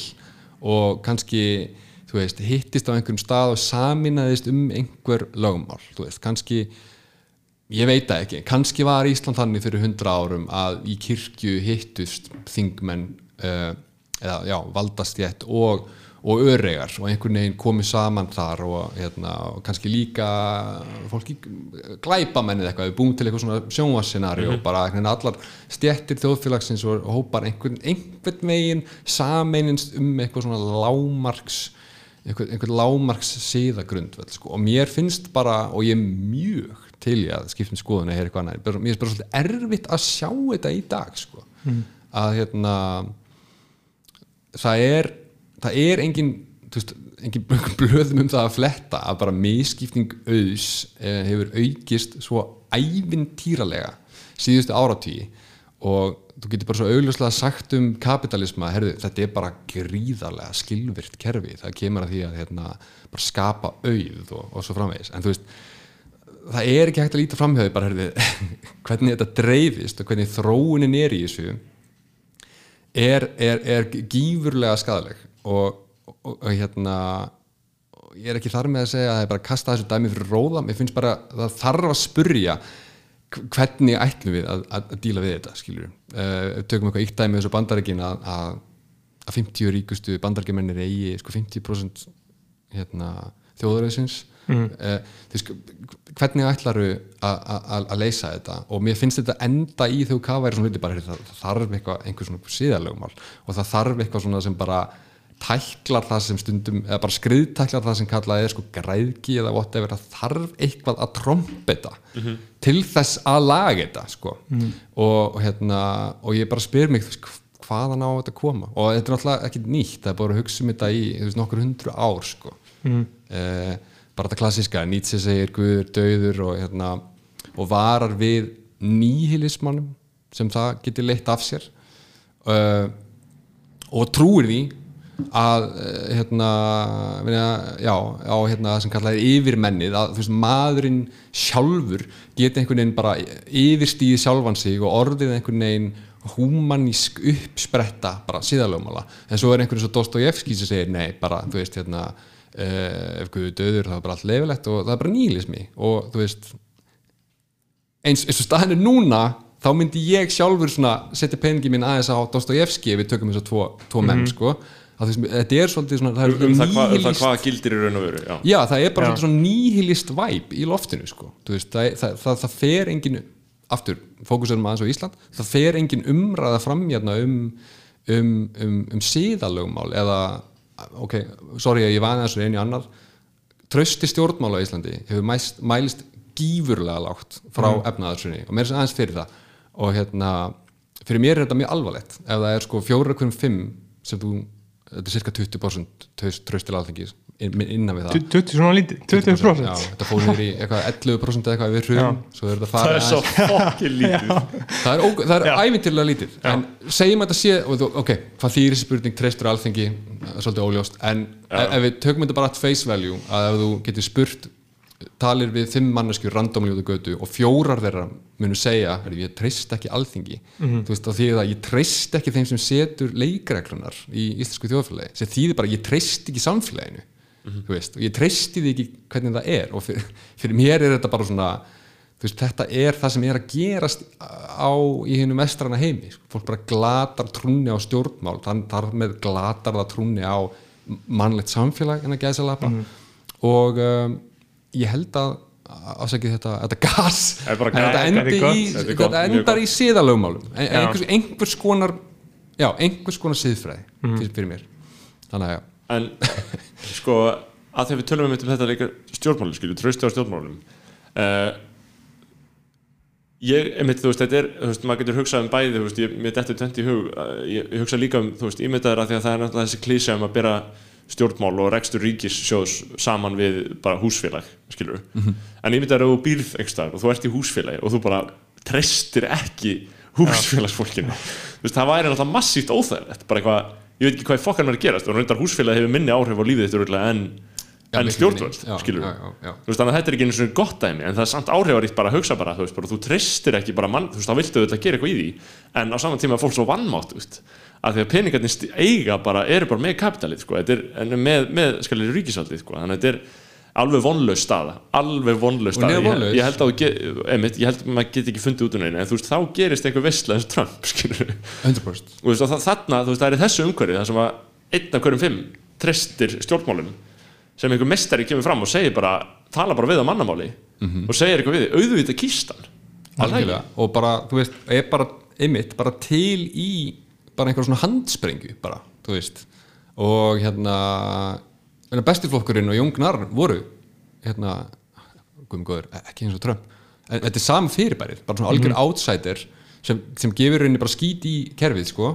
Já. uh, og fær bara meira áttu kostningu sko. Sko ég held að þetta gæti gerst á Íslandi á einhverjum tímabúti bara bráðlega sko. þetta, er að ge- þetta gerist allstaðar sko. já, ég held að líka. Þú veist, ég held að það gæti komið bara ég held að við munum sjá þetta bara næstum tíu árum. Við munum sjá bara eitthvað fucking kjafta Já, ég held það líka.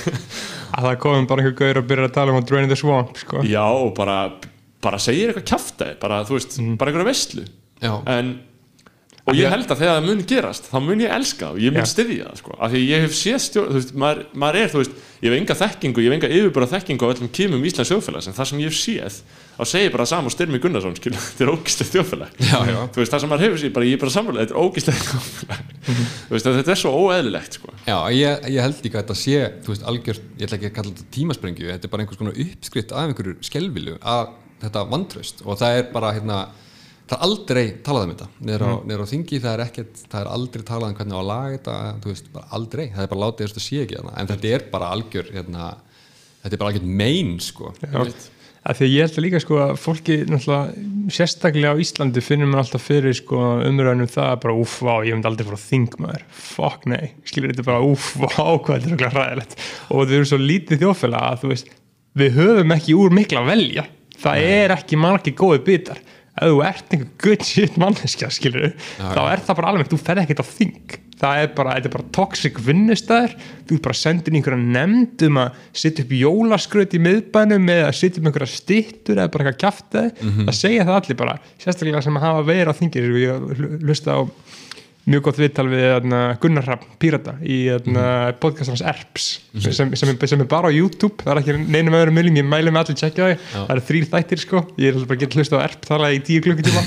Uh, álins að hætta, uh, Gunnar Rapp var hjá honum og var bara að tala um alltaf umöðlega sem hann þurfti að gera á skilur, og var bara að lýsa hvað þetta væri allt sökka þetta væri bara ógeðslega leðilt og ég held að það sé svolítið gallin af hverju við erum með svona whack alþingismenn hérna á Íslandi? Er að þetta er bara eitthvað fucking venjulegt, leðilegt óspennandi fólk sem einhvern veginn svona fer í þetta og endar í þessu uh, getur það ekki verið eitthvað? Jú, ég, ég held líka sko að mig grunar að eina ástæðan þess að það er ekki einhvern veginn það er ekki margir að pæla í þessu, það er ekki mikið talað um þetta sko. ég, held að, ég held að það sé vegna þess að ef það er því kosið bara á morgun að þá, þú veist, þá væru niðurstöðunar bara einhvern veginn bara eftir bókinni, þú veist, það væri bara þú veist, einhvern veginn, sástæðarflokkur myndi fá þetta og samfélgingin þetta og FG, þetta myndi eitthvað aðeins flökta. Þannig að, þú veist mjög margir hugsa, já, meina, þetta, þetta er bara alltaf eins skilur, það er ekkert vandamál hérna fólk fer og kýs í alvörunni og þú veist, það er ekkert bara eitthvað, skilur ekkert bara eitthvað allir auðu. Ég held að málinn sé að það er ekki sko, það er ekki pólitískur farvegur til þessi raunin að tjá þetta vantröst en þú veist, þannig að kerfið kerfið ræður ekki við að miðla þessari tilfinningu sem allt innu skýtur stundum upp kollinum eins og bara til dæmis hérna, Trump uh, uh, gul vestarheifinguna í Fraklandi, þetta er svona einhvern veginn fyrirbriði sko, sem Já, passa ekki inn í í pólitíska fyrirkomulag og mótmælinn bara í bandaríkinu sumar Já, skilur. já, algjörlega. Þú veist, ímyndað það það er rísa stór reyfing sem er náttúrulega í grunninn bara andspyrnur reyfing skilur hvort sem, og hún er auðvitað, auðvitað sósælíski eðli sínu. Já, svona reyfing skilur þú veist einmitt bara þannig að það er auki, auki dæmi um, um það hvernig þetta brýst fram að því að auðvitað hefur kerfið einmitt og kerfið hefur náttúrulega engan vilja til þess að geta varpað ljósi á, þessa, á þetta ástand sko. en, en ég held líka að, að einmitt í þessu nýhýlíska samfélagi þar sem að ekkert skiptir raunverulega málum manni er eiginlega, þú veist, bara maður, veist, ég hugsa lífið bara þannig að þú getur bara, ef, ef þú getur bara verið í cirka jafnvægi í 90 ár, skilur bara þú mm -hmm. bara hugsaðu bara um þig, bara rettaðu bara þér, skilur, þá getur þetta verið, verið alltaf læg, skilur, en það er ekkert mikið meira það er ekkert margt meira sem er að verki hjá mér endilega, skilur, og ég, og ég held ég, ég held að ég sé bara ekkert sérstakur eigin hagsmunna seggur fyrir að, að, að játa það, skilur, en auðvitað vill maður auðvitað maður vinstri maður auðvitað muni kjósa eitthvað vafki, en mér er drullu fokkin sama, það er ekki eins og ég myndi gefa peningara minna, ég held að kerfið þurfa að gera það, gera það ég, held að kerfið þurfi að gera það, af því að manneskinn getur það ekki skilur, Já, er það ekki það sem þú voru að segja, jú, að einhverju leiti eða að mögulega að það þurfa að vera þannig? Jú, ég held að sé bara mjög flóki debatt hvernig það ætti að laga þetta sko. Ég er svona Já. ákveðnir hugmyndur um það, ég, veist, ég hef ekki hugmyndur það en, Nei, ég hef ekki hugmynd um það líka. en sko, Heldur. hérna mér finnst bara áhugavert að því við vorum að minnast hérna á Trump og hann sem einhvers konar byrtingamind þessa, bara svona pólitísk bara handsprengja, þú veist hérna, mér finnst svakalegt að hugsa til þess að síðustu fjögur árin þá uh, from day one sko, er myndað valdabandalag milli demokrata fjölmiðla Silicon Valley uh, hérna, security apparatus, FBI og CIA um, og Wall Street. Þetta eru all, allir valdastólparnir í bandarísku þjóðflegi leggjast á eitt frá byrjun að eiðilegja fósitatíð þessa manns. Og hérna það er bara beitt sko, svakalegum bröðum eins og bara að halda lofti í árum saman uh, því að hann væri rúsneskur flugumæður uh, og þetta, þetta var lígi þetta var, þetta var bara púr lígi og allir vissu það, allan tíman og hérna það að þetta hafi verið svona í fjögur ár linnu laus barátta allra valdastólpana að skemma fyrir þessum manni. Og hann endar samt á því að fá fleiri atkvæðin Obama sko. Það, og, og, það, það, mér finnst það með ólíkindum sko. mér finnst það ótrúlegt.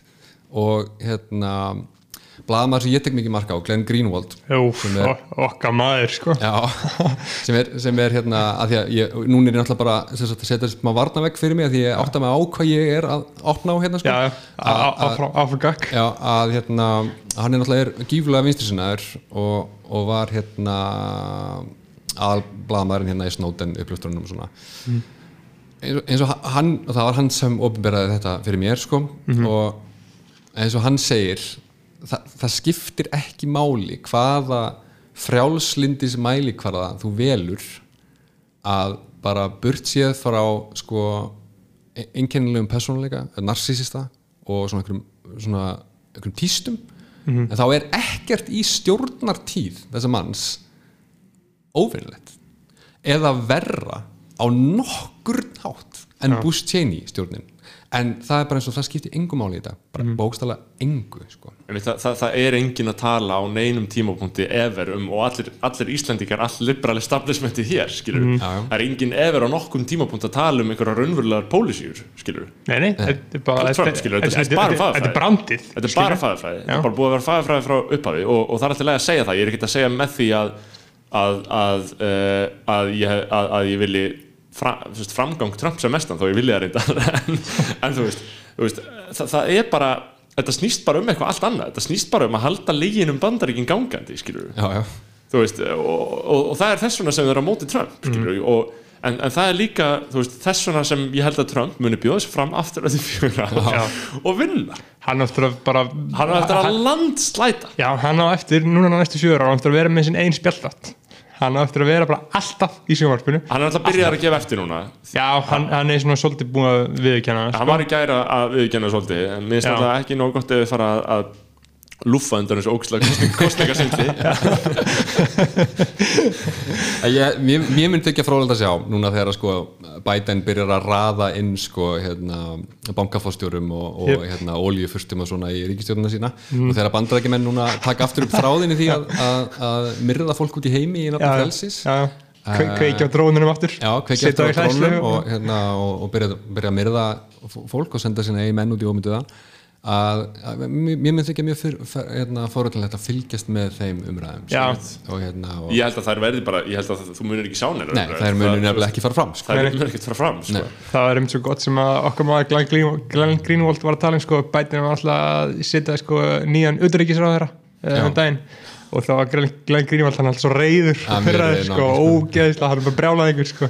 þá var hann sko að screenshot einhver tweet það var einhver sem að einhver, bara einhver uh, establishment demokrati sem að sem sagt, postaði fréttinni um að bætin hafa valið hennan utanríkisráðherra, ég man ekki hvað hann heitir en ég veit að hann er sko með á Twitter bæðunum sínum Spotify profílinn sinn sko hann, hann gefur tónlist líka sko Já. og er bara einhver brjálaða nazi sko er hann ekki, er hann ekki samt bókstala barnabarn holocaust Jú, jú, jú, og, og, og, það er það sem hann, sko, þessi, þessi establishment demokrati sagði bara, wow, this means a lot to me.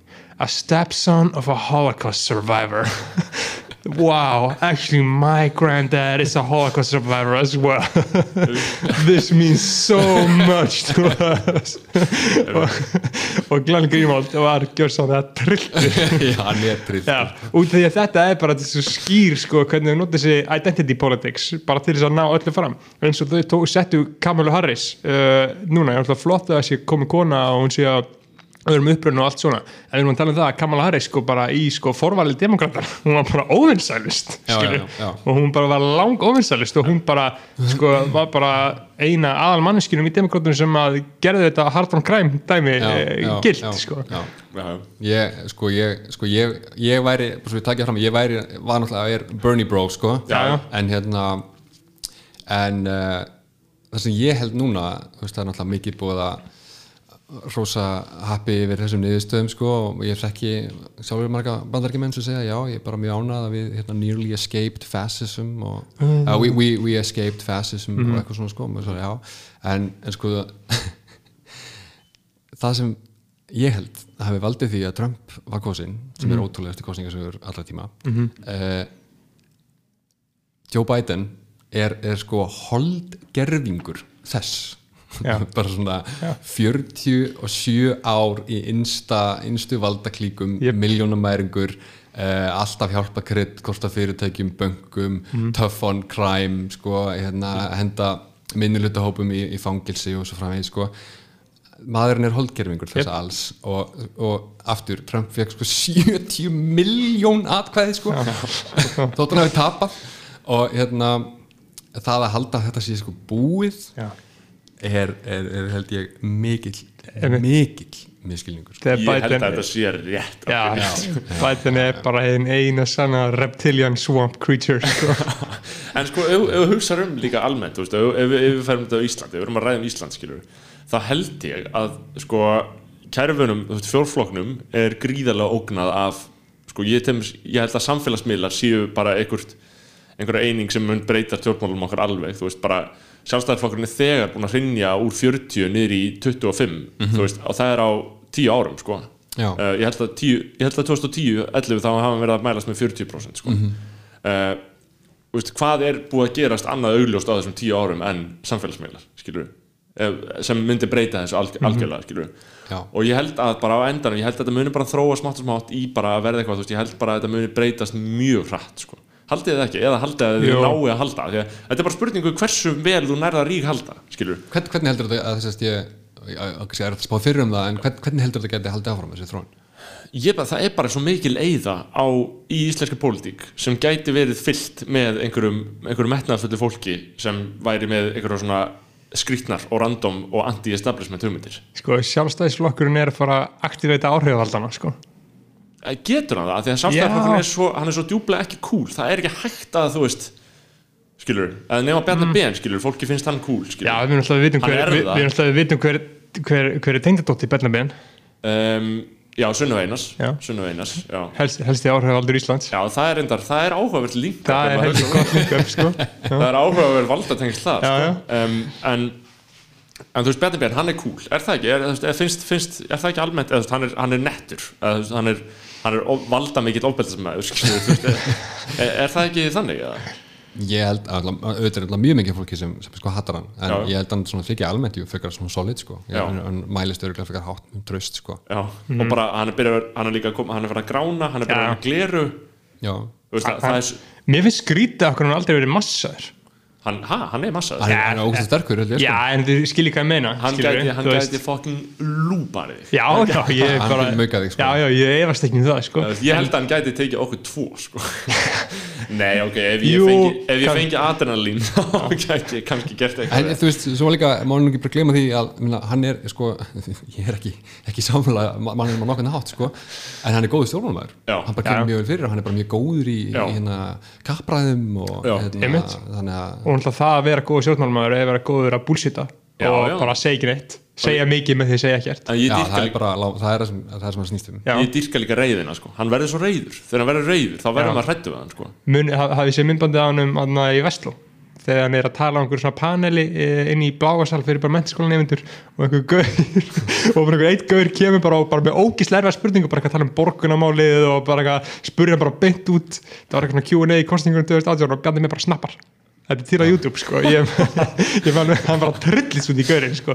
Bara ekki sína mér þessu óvinningu og byrja bara að byrja þetta allt og þetta er bara, bara Helga Val sittur hann eitthvað í hliðina á hann eitthvað þetta er geggjað myndband sko. Já, það er, það er alveg, alveg gott stöf sko. Þetta er, ég, ég þekki nokkra köruboltamenn hérna, alveg köruboltamenn sem svona hafa sagt mér að þú veist, þeir náttúrulega lenda mjög oft í því að eitthvað lið kemur að þeim og segir að ég geti nú tekið því einn og einn og, þú veist, ég bara, og þeir svona öðru hverju taka einn og einn við, við hinn almenna borgara. Og þú veist og Stíga ma- niður. niður. Og maður sér það líka stundum á YouTube sko, Kobe Bryant og svona spila bara við einhverja, einhverja, einhverja venlega menn sko. Og náttúrulega destroya þá fullkomlega sko. Já. og hérna og ég ég held að, og þess að köruboltamenn gera þetta almennt. Að segja bara ok, þú veist, það er bara ákveðin virðing í því að ég síni þér ekki. Já, þú veist, ef þú vilt þetta, þá gerum við þetta. Og ég bara síni þér þá, þá virðingu að ég teki alvörunni á þér sko. Já. og ég, ég mauka þig sko kannski verður þetta eitthvað svipað hana í bláasalnum skilur, Já. það er bara Já. svona, ok, ef, við- ef við ætlum ef þú ætlar í alvörunni í debatt og ok, þú ert krakki og allt já. það Já.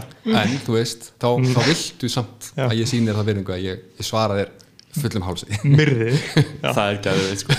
þó Það er ég sé fullvarinn maður sko. já, af því hann þarf að gera það, af því að annars væri það eitthvað svona uh, þú veist, Já. hann getur ekki farið, hann verður í lagi hann verður á þessu mómenti bara, já, já, ok uh, drepa hann, já, skilur um, síðan er fórsetnaðanbættið uh, þarf að leggja það niður?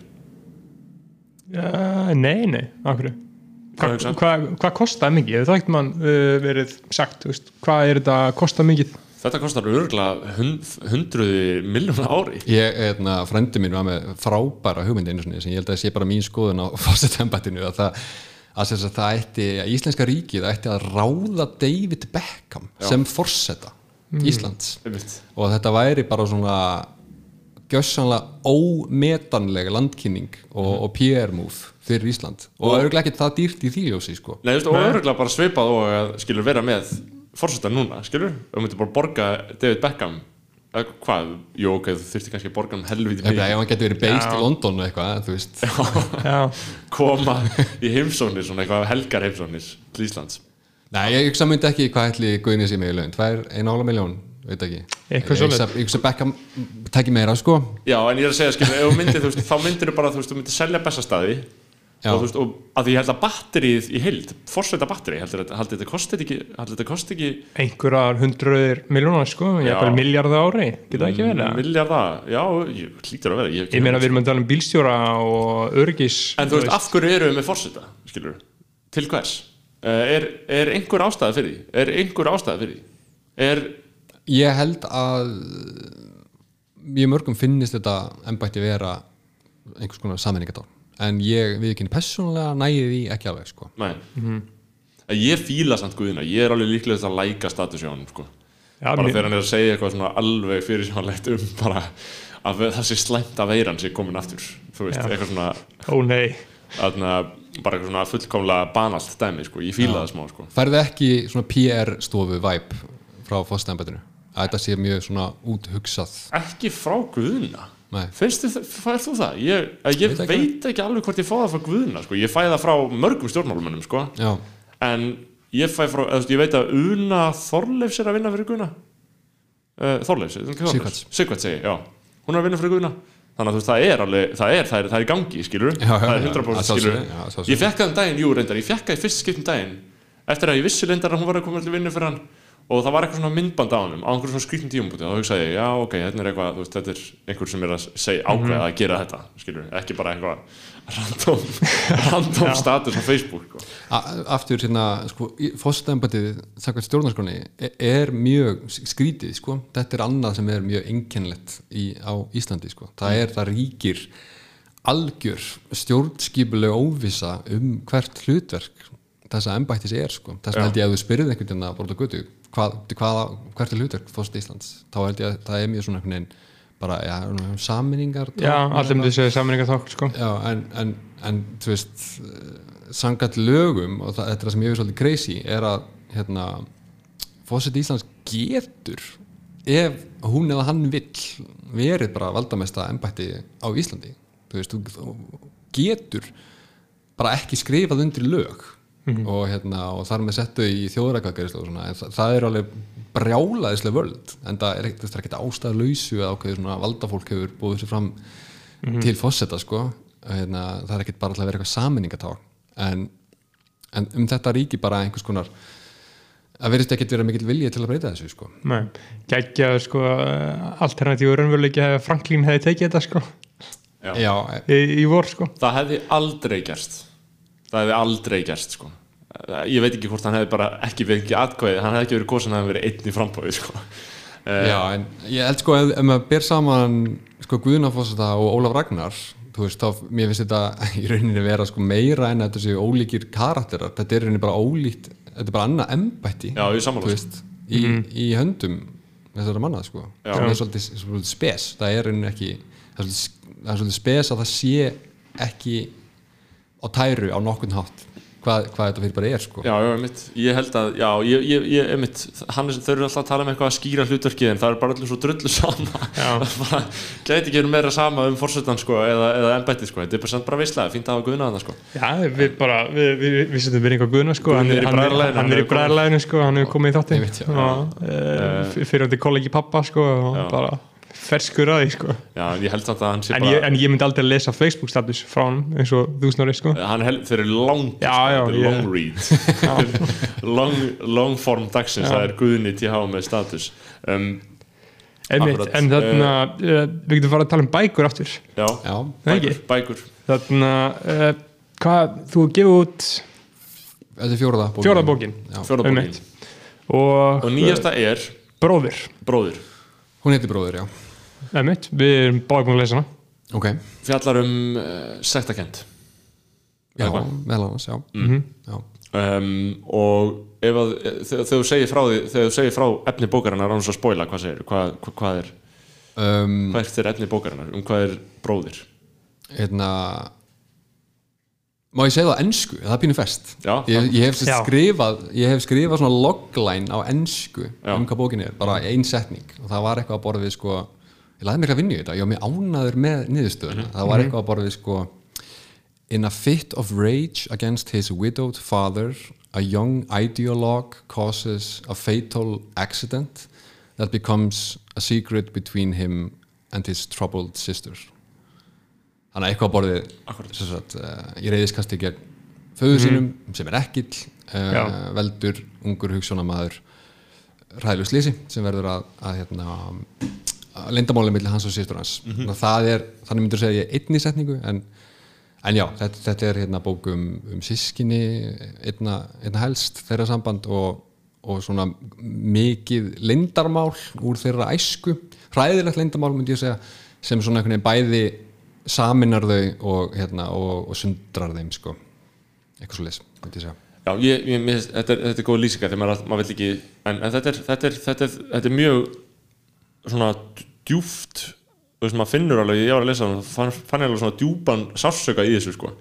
Eh, af því það er náttúrulega viðbjörnslegt fyrir fólk að, að eh, burðast með sitt, skilur -hmm. eh, og hann er alltaf að reyna að leysa það að einhverju leiti eh, og um, eh, svona bók eh, ég held að hún hafi alveg þú veist, hún hafi áhrif á mig sko og svona skrítin sko. Uh, ég held að hún geti alveg uh, seift við fólki þegar þau lesa, lesa hana sko. Uh, sérstara líka þegar svona, ég vil náttúrulega heldur ekki spoila því sko en svona skáldsögu formið er svona aðeins þanið sko finnst mér með til dæmis endalókunum og svona og uh, K- hvernig er að, er ekki viðbjörslega viðbjörslega erfitt að skrifa þetta? Um, jú, jú, það er, það er mjög erfitt að mér finnst mjög erfitt að skrifa skaldsögu, mér finnst það bara eitthvað erfitt sem það gerir sko, af því að, hérna, ég gæti ekki hugsað mér að gera, Já. ekki séns af hverju ekki, hvað er það sem fyrsta sem gerir upp í huganum þetta ekki hunin að sögu sko.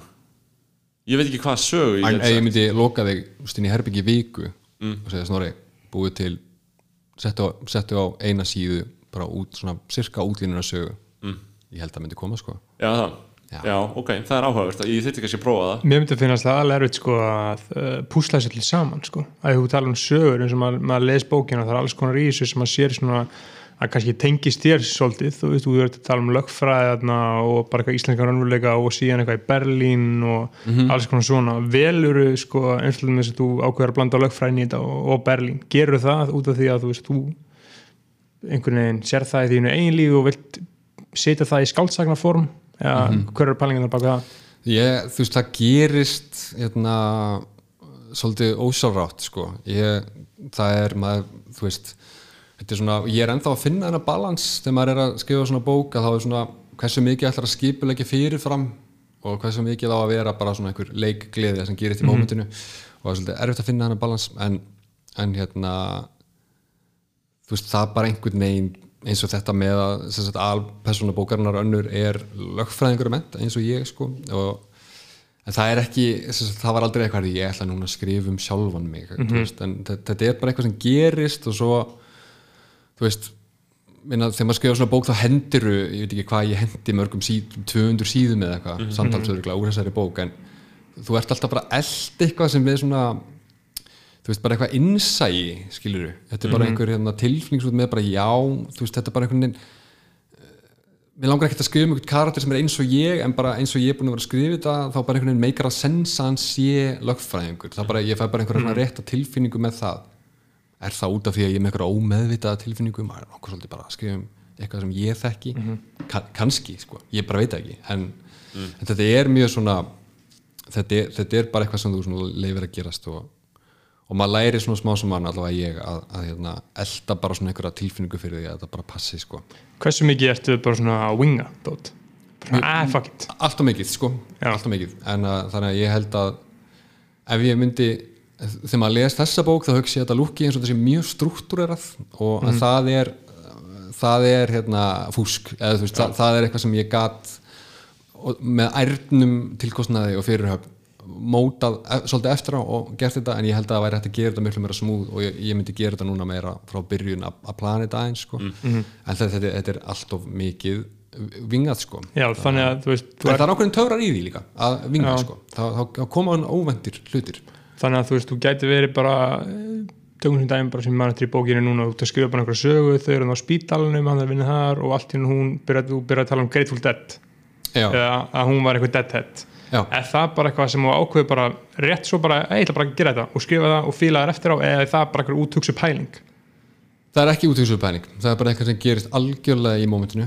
Mm. og og hérna, ég mér sem mann eftir þessu mómenti sko, þetta er svona auka karakter í bókinni. Og þú bara einhvern veginn byrjar að skrifa þetta og ég sagði, sko, ég vann sjálfur á landsbytalan og ég var sjálfur með svona hérna, smá um, mentor í einhver starfi sem ég var með sem er, sem er í bókinni. Og þá man ég bara, þú ert að byrja að skrifa þetta og hugsa, já, ég, ég vil hann fara að vinna hann á spítalanum þennan er ungur og hann mun kynast ákveðnum hlutum í gegnum hann spítala og já, kannski gaman hann sé með einhvern svona smá mentor þar og svo bara uh, gerist eitthvað að þú bara skrifa einhverja setningu um hérna, að hún sé einhvers konar gamall deadhead sko, Breaking Dead aðdáðandi og ákoma einhverja nokkra setningar í viðbótum um einhverja hennar, bak, hennar bakurinn í því og þá allt innu stendur sjálf að þú bara eitthvað brosandi og finnst þetta fyndið og skemmtilegt og þá bara heldur áfram með það og, Já.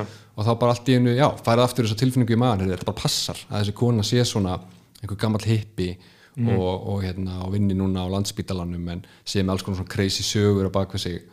En það er algjörlega bara, já, inn í, algjörlega í mómentinu sko. já, en líka þegar þú sagðir En sko, að því sögðu, að koma líka alls konar hlutir í mómentinu sem að lesa síðan daginn eftir og er nei, þetta, Já, ok. nei, þetta passar ekki.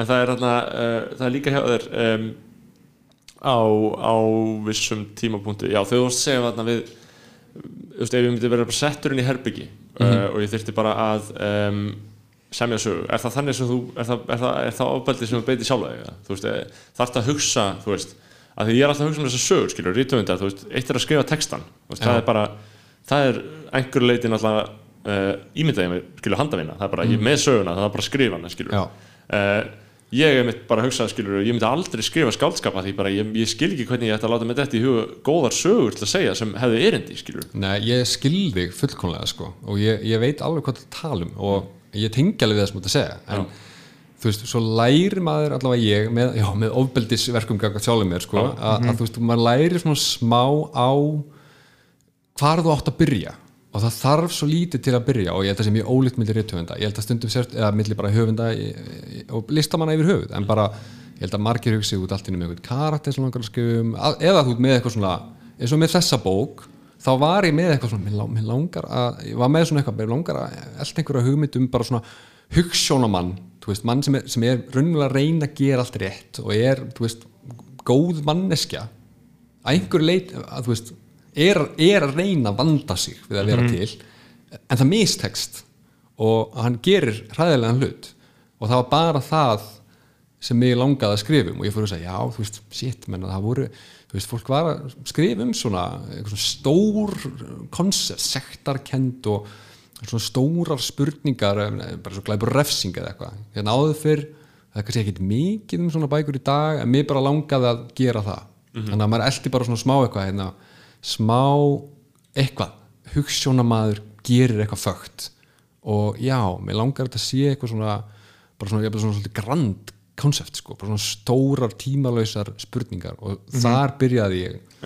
Og, en það er mjög oft, ég fæ til þess ekki einhverja svona, já, þetta er ég vakna ekki og hugsa bara, ég, ég held henni með hugmynda sögu bara það er mjög oft sem ég svona ég fæ eitthvað svona bara lítið moment og hugsa, já, þetta hérna, gæti verið byrjunin á einhverju.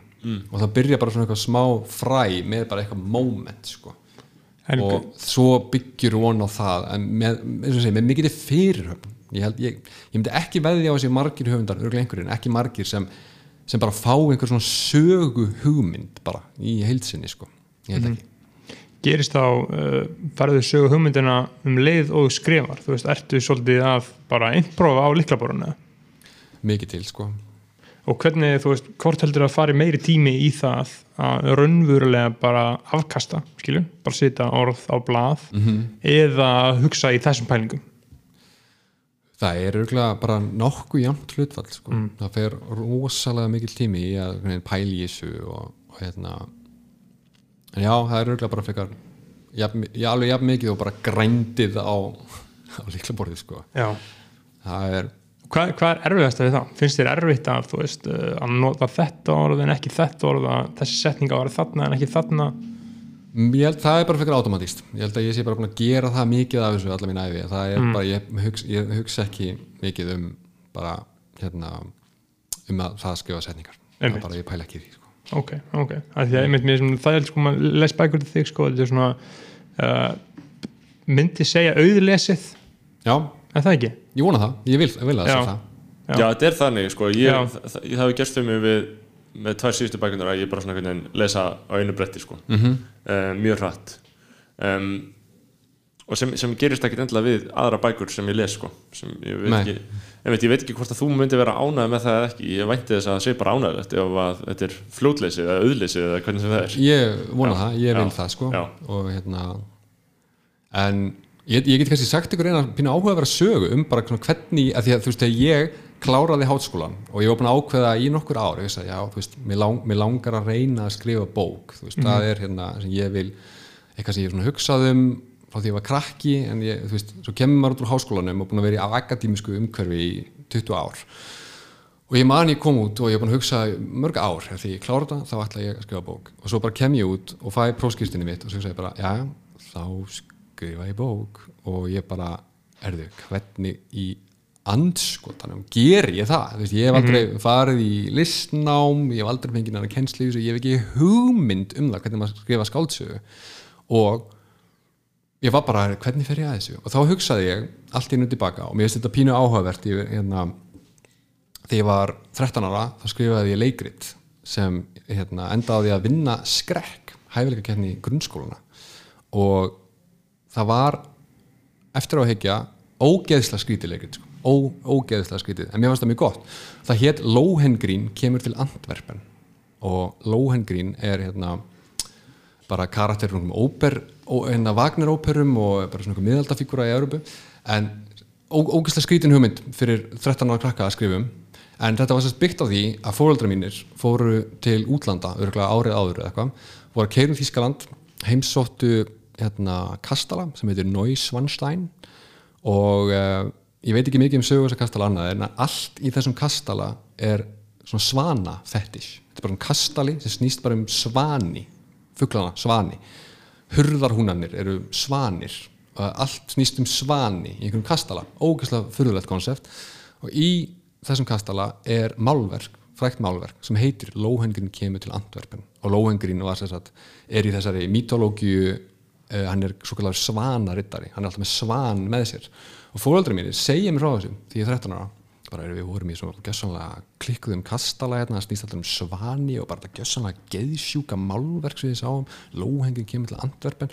Ég hlusta á þetta 13 ára og ég bara hérna fæði þetta á heilan. Og bara svona, mér fannst þetta svo skemmtilegt og mér fannst þetta svo fyndið að vera einhver rittari með sverð og einhvern svan með sér. Það skildi, ekki, skildi ekki bofs í þessu á nokkurn hátt. En þú veist, mér dætti í hug einhver saga bara, já, hérna, fyndið bara einhvern svanarittari er á einhverju ferðalagi, hann er að fara að hitta einhvern kong, eins og einhverjum svona ævintýrum og hann ætlar að segja við kongin að hvað, eins sem mér dætti í hug var hann ætlar að segja honum að brefin sé að rinja í díkót, því það var það sem var að gerast árið 2000 Já. þannig að það var bara leikundið einhvern svona svanarittari, þetta var í bundnum máli það var alltaf rímað, er að ferðast segja einhverjum kongi að hérna, brefin hans séu fallin í díkót og þar með líku þeirri sögu. Ef þetta er góð saga, það góð saga. þegar, svo þegar ég er 25 ára og er að hugsa hvernig á ég að skrifa bók? Og ég er bara einhvern veginn að hálf heila þeina að vera bara í akademíu og allt sé fræðilegt og allt sé einhver aðferðafræði og svo framvegis að þá alltaf hugsaði ég bara, heyrðu, ég gaf skrifað eitt svolítið bara áhugavert, ég var 13 ára. Og hvað var ég að gera þá? Þá hefði ég heldur ekki lært neitt ég vissi ekki neitt, ég sann að ég gert það og það, það var þá sem ég svona, og ég eldi þetta enn þann dag í dag og þess vegna finnst mér þetta hérna veist, ég reyni virkilega að ég læri af bandinu sem ég var mm. þess vegna finnst mér þetta að fólk segir svona já, list er svolítið svona eitthvað svona balli gleði og eitthvað og ég hugsa, já, þú veist það er satt en það er líka bara bókst, þú getur bara bókstala lært svolítið af nálguninni sem bann og þannig að ég eldi þetta enn þann dag í dag eða bara ef það er eitthvað svona smá sem ég finnst svona skemmtilegt og finnst það bara svona, ég hef einhvern veginn engar efasendur um það og maður verður svona pínu innan gæsalappa bara svona ástfangin af einhverju því finnst bara að vera snild og það er engin ástæða fyrir því þá eldi ég það sko og það er þannig sem ég bókstala að skrifa bækur bara eldi einhverju svona tilfinningu sem er bara alveg eins og þetta þegar maður er eitthvað 13 og bara, já, fannst þetta bara óslega skemmtilegt mm. og þetta er bara það einfalt Já, þannig skrifa ég bækur sko Ömmit. Það er, það er að greina Sorry, það er svolítið langt Nei, en greina góð, þetta var gott gott. svar sko. Uh, En það er svo mismunandi svo er- sko, hve- hvernig uh, órygin eru sko, maður vill eitthvað svona skrifa og gera eitthvað svona hvar þau liggja. Eins og svona þú veist að tala um að þú getur ekki fundið sögur skilur, en þú ættir ekkert mál með að drita á liklaborið, skilur hjá mér er það að ég á með miljón sögur það ég ætti ekkert mál um það en ég, mér finnst hver eins að setning sem ég skrifa já. skilur hvað ég meina? Þú veist, mér finnst villist orð og bara raðin upp villist, það er bara því ég hef ekki gert nógu mikið af því skilur og ég held að einmitt allir smíði sér sko eitthvað uh, sinn eigin sko sásöku heim í þessu sko. Já, já, já, Já, 100% að skrifa er sásöki Þetta er Já. bara endalust að dæmi maður bara þegar maður þegar við erum að vinna við að, skrifa upp viðtöl. Þú veist, maður er búin að taka viðtal og Mhm. ó, ég er að skrifa þetta upp. Já, og maður bara, þú veist og svo er það bara, því að pressan er bara hann bara byrjaði bara og skrifaði bara orð og síðan bara leiða þau því áfram, mm skilur já, og svo fattar ok, í struktúrun, ok, næsta næsta, næsti millikapli á að vera þetta hérna viðfangsefni og síðan næsti þetta hérna viðfangsefni og síðan næsti þetta hérna viðfangsefni skrifar aðeins á undan þér, ég skrifa alltaf svona orð á undan mér -hmm. þú veist, ég skrifa orð niður og Já. held áfram að skrifa uppi já, ég skrifa mér mikið undan mér af rusli en bara hvað ég ætla að skrifa og síðan orða ég það þegar kemur að ég að skrifa það sko. já, já. uh, en en ég væri svo til að horfa bara á aðra mannesku, bara horfa á hann að skrifa. Já, uh, en, en þetta, er, þetta, er, þetta er mjög sérstætt sko, en, en þetta er sásökafyllt og ég held að, veist, að því þú, við tölum ekkert mann líka um þarna í í Berlín, það eru þessir, þarna, tí, þessir tíðust klukkstundir, skilur bara, bara að gera þetta endalust skilur, og þá er ekki annað hægt en að maður uh, komist að blæði með þetta. Er það, er það ekki, þú veist er það ekki hug, gild hugsun? Ég held það, ég, ég, ég held það algjörlega sko. ég, mér, sko, mér líður persónulega núna því ég er búin að vera standi í þessu í hvað átta ár uh, og búin að verja að mér líður bara nánast hverjum degi í það. Mér líður í fyrsta skipti núna eins og ég sé aðeins að svona smá að fatta þetta dæmi og aðeins að ná tökum á þessu. Það búið, að kosta alveg rosalega fyrir hann sko, rosalega tíma. Ég, svo, ég er ekki viss sem ég myndi gera þetta aftur ef ég geti farið aftur í tíman að þetta er bara það mm. Veist, þetta, er, þetta er það mikið erfiðara og, og flóknara en ég held sko. Og hvað hva hefur kert þið áfram? Af hverju uh, gafst það ekki upp á þriðja ári? Fyrst þetta er búin að svona erfitt. ég veit ekki Þú veist, hvað Ég- hva er það við þetta? Hver, er svona, hva, hver eru aspirasjónunar? Hvað langaði til að vera? ég hef ógæslátt spurt með þessu ég, hérna ég, ég veit ekki alveg hvert svarið er Minna, sko, að að öðru leiti er maður bara líka alltaf þakkláttur fyrir bara hvernig að geta staðið í þessu þetta, er mjög svona hérna, þetta er ekki með tröst tilvera að vera rithöfundur og þú veist, það er það er geggjað að vera gefin út og svona þetta, þetta, þetta gæti mjög auðvitað enda, getum orðað þannig og ég ég held að hérna ég held bara að ég hafi einhverja trú eh, sko ég hérna þóla ekki sjálf mig eins og, Eins og við. eins, eins og, eins og margir sko ég held samt sko og já, ég get ekki, ekki lesið neitt sem ég skrifa sjálfur bara, og ég löngu búin áttum á því, það mun aldrei breytast sko. en ég held, held ég hafi samt þá trú einhvern veginn í brjóstunum að ég hafi ég geti haft, haft eitthvað fram að færa í þetta sko, og geti sagt eitthvað sem, sem sé þessi virði að skrifa sko. og um, og svo líka held ég að þetta sé bara púra að mér finnst það svona best, bestu bækur sem ég hef lesið finnst mér hafa, hafa gefið mér það mikið sko að að ég, ég vil einhvern veginn reyna leggja mitt af mörgum bara til þessar hefðar sko þú veist, bara reyna einhvern veginn bara já, að að gera eitthvað hversu mikið sem það getur verið en bara Þessar hefðar sem við erum, við erum alltaf að óttast um að, að sé að, að deyja drottni sínum eða ekki, eða hvað? Eða erum við, erum við slög með það, það er náttúrulega að döði bókarinnar. Þetta er, þetta er leiðilegt, leiðilegt umræðinni en, en ég held hún sé alls ekki að deyja sko. Nei, Uh, myndir þú skrifa sjónvars eða kaupmyndahandrit eða leikrit? Um, kannski í leikrit hefur örugglega mestan áhuga en ég hérna ek, ég, ég hefur alveg áhugað einhvern tímann að þú veist, ef mér svona að taka þátt í einhverju teimi fyrir að skrifa sjónvarp eða eitthvað svoleiðis þá hefur ég örugglega áhugað á því. En, en sko handritaskrif sem, sem bara svona handverk er ekki eitthvað sem sko, mér, mér finnst gaman að skrifa sko setningar og, Já. og hérna og hugsanir og þú ert að skrifa handrit þá ertu þá ertu að Eh, sko það er alltaf, ég held að það að skrifa langt, go- gott kvikmyndahandrit er bara alveg mikil vinna á að skrifa skáldsögu sko. þú þarfst að segja svo margt í svo mm fáum orðum og þetta þarf alltaf að vera svo fysiskt og, og, og þú þarfst að segja allt með, með hérna, hinnu sínilega sko. En ég, það, er bara ekki, það, það er ekki það sem ég hef í rauninni einhverja ástriði fyrir sko. En það, það er samtökunni læri standard í því, sko. já, Eh, miklu chillara sko. Já, ég skil ekki að meina, þú getur alveg gert gott handrit og það þarf ekki að vera einhver svona rosalega snild. En samt getur líka bara einhver eins og maður horfður bara á einhver, einhver Tarantino dialog skilur, Já. það er alltaf epíst en síðan getur dialogur líka verið bara eitthvað einhverju, einhverju Scorsese mynd. Já. þeir eru ekkert að segja rosalega það mikið endilega, þetta er samt epíst já, já. en í bókinni, það er ekki þetta það er bara epíst eða ekki sko. En það ekki? Jú, ég held að það sé rétt sko. já, ég veit ekki alveg hvernig það er sko. Uh, bó, bókin er alltaf tölvöld betra form. Hún er betra form. Ég, Sko, ég, ég, ég er sem þannig, stundu er að lesa einhver bók og þetta er bara eitthvað að hitta mig, skilur ég er bara eitthvað, veist, að finna fyrir sér þá hugsa ég bara á hvað þetta er epist en stundum á í kvöld, það sem að ég flakka á milli uh, fimm bóka byrja að lesa eitthvað get ekki einbjönd mér, get ekki eitt þessi Já. bara hætta á þessu og fyrir að horfa á Sopranos. Já, það Já. gerist rosalega oft um mig að því að þú þarft meira einbinding í þetta. Og þegar að það eru bandarisk stórfyrirtæki bara í hernaði gegn uh, heilunum aður á hverju með þessi degi þá, þú veist, það getur verið svolítið erfitt að já það einbinda sér að þessu. sko. og mér finnst líka sko, það sem ég finnst vera mikill styrkleiki bóka og, hérna, og ég held að það sé svona eitt af því ég hef engar ágjörði að þetta sé eitthvað form sem ég að hverfa sko, bara, engin og mér finnst líka bara annarkað maður núna að gefa út bók það er bara og það eru allir það eru allir, það eru allir miðlar eru alltaf að segja bara allir að lesa, það eru allir að lesa bækur aldrei meiri lestur, blá, blá, blá, þannig að það er alveg rétt Er? Samt. Já, ég er búin að lesa endarist að þessu bara, það hefur aldrei verið meiri bóka, bóklestur eða salan fer vel að stað og et cetera, et cetera, ég veit ekki hvernig það er sko.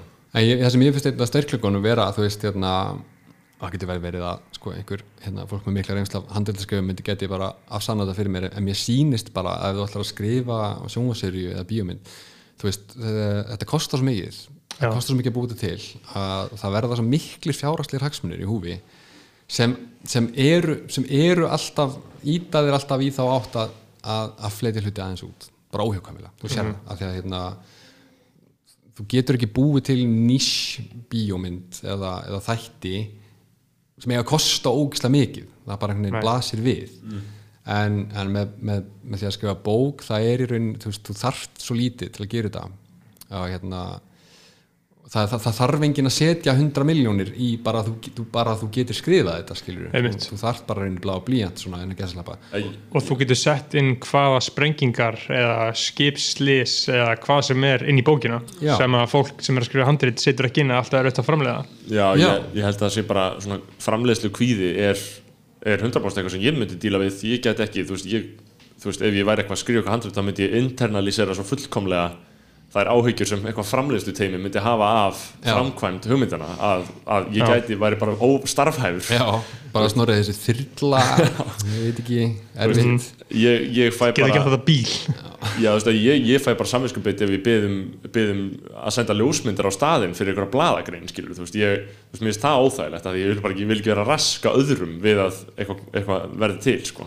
Ég var, ég var að labba hérna bara hérna nýri bæ bara fyrir nokkur dögum um kvöld og þá, þá var, sá ég að það var eitthvað kvimdatemi að vera að taka upp eitthvað sko mm. veist, og ég bara gætt séð að það var einhver leikar þarna og þetta átt að vera eitthvað bílslýs og eitthvað en ég, eina sem ég gætt hugsaði með þetta þetta voru bara, veist, þetta voru svona 50 manns Alltaf þetta, já. sem stóðu þarna og ég var bara, veist, hvað er þetta eina skot bara, hvað er að tala um hérna reikningin fyrir þetta sko Saman hér, ég hugsaði þetta alltaf, sko. En ég held að þetta sé samt, þetta er, þetta er, er asnaleg hugsun, maður á ekki alltaf að vera að hugsa Nei, nei, þetta, en ég hugsaði þetta svo mikið, bara óhjökamlega, bara fjórir að vinna hana, úf, það er mikið. Þú veist, bara út af því líka að, að, að, að ég hef unnið í fjölmjölum og þar er, alltaf, þar er þetta alltaf bara svona að gegnum síra hausina þér, hvað er til liti peningar í öllu skilur og það gerir þig það gerir þig geðveikan með þetta sko. Já. aðrir úr einhverjum öðrum brönsum er ekkert að hugsa þetta þeir eru bara eitthvað, já já, þetta er bara stuð skilur En um leið er náttúrulega, þú veist, ákveðin snild í því hvað þetta er dýrt, skilur það er Já. bara hana, hérna Brett Easton Ellis, hérna bandarska reytuundur hann, hann talar, hann er með svona podcast um bíómyndi, sko. Já. hann talar alltaf um þetta, yeah, really it's, it's money on the screen, it's really money on the screen it's good to see the money on the screen. Mm -hmm. bara svona, þú veist, að þú- þú bara svona það sé bara svona, svona geggjað bara að vera að horfa á eitthvað og sérð bara hvað þetta er ógeðslega fucking dýrt, sko að gera þetta það er það sem ég fíla, það sé bara svona ölvandi dæmi bara auðvitað. 100% James Bond, þetta er það sem ég er að segja. Að fara, ég ætla að reyna að fara James Bond í Berlín í mars, komst ekki. Að það er ekki búið ekki út, mér langar bara að sjá þetta. Mér langar bara að sjá Money on the Screen, ég elska það sko.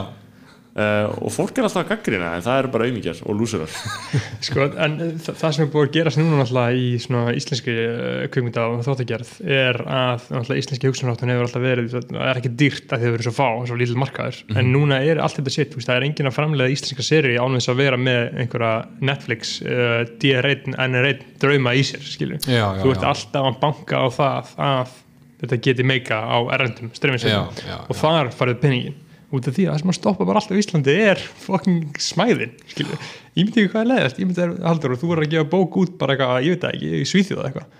Hvað þú myndir hugsa þetta allt öðruvísi. Hvernig draumarnir væri allt öðruvísi. Ég veit það, það er, það er öðruvísi. En á sama tíma sko, þá hérna ég er alls konar skoðanir þessu. Ég, hérna, ég held að þetta sé ekki mikið öðruvísi. Ég held, ég held að ef ég væri breyti eða svíi, þá held ég að þetta væri ekki það ólíkt sko að vera að standa í þessu. Og þú veist, meðal bóksala er alveg svo sama. Það er ekkert minni hlutvarslega bóksala en ég held að hinn meðal bók í ekkert tímann heyrði þetta, meðal bók í Breitlandi seljast við í hérna, innan við 500 eintökum sko, mm. Já. er bara að þar eru gefnar út kannski svona 30.000 bækur yfir árið sko, en, en hérna eru þær, ég veit ekki 100 eða eitthvað, eða minna örgulega mm -hmm. ekki. Uh, og svo held ég að sko í öðru lagi hérna, þó maður sé sko gefin út á 20 tungumálum eða eitthvað um bók þú ert ekki eitthvað pening sko, bara svo það líki fyrir. Þú veist, kannski ef þér gengur hérna ég veit ekki, ég, sko krimmanir að sjálfsögðu fá,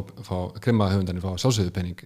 Ég get ekki tala fyrir síðan sko höfundar sem hafa nótið fagurbókmynda höfundar sem hafa nótið mikill af velgengni eins og Jón Kalman, Auður Afa Sjón uh, kannski eru þau að fá einhvern það getur mjög, mjög vel verið. Þú þurfi ekki að fara með það, en þú veist, það er mikið að bókum eru þýttar alveg á mörg tungumál.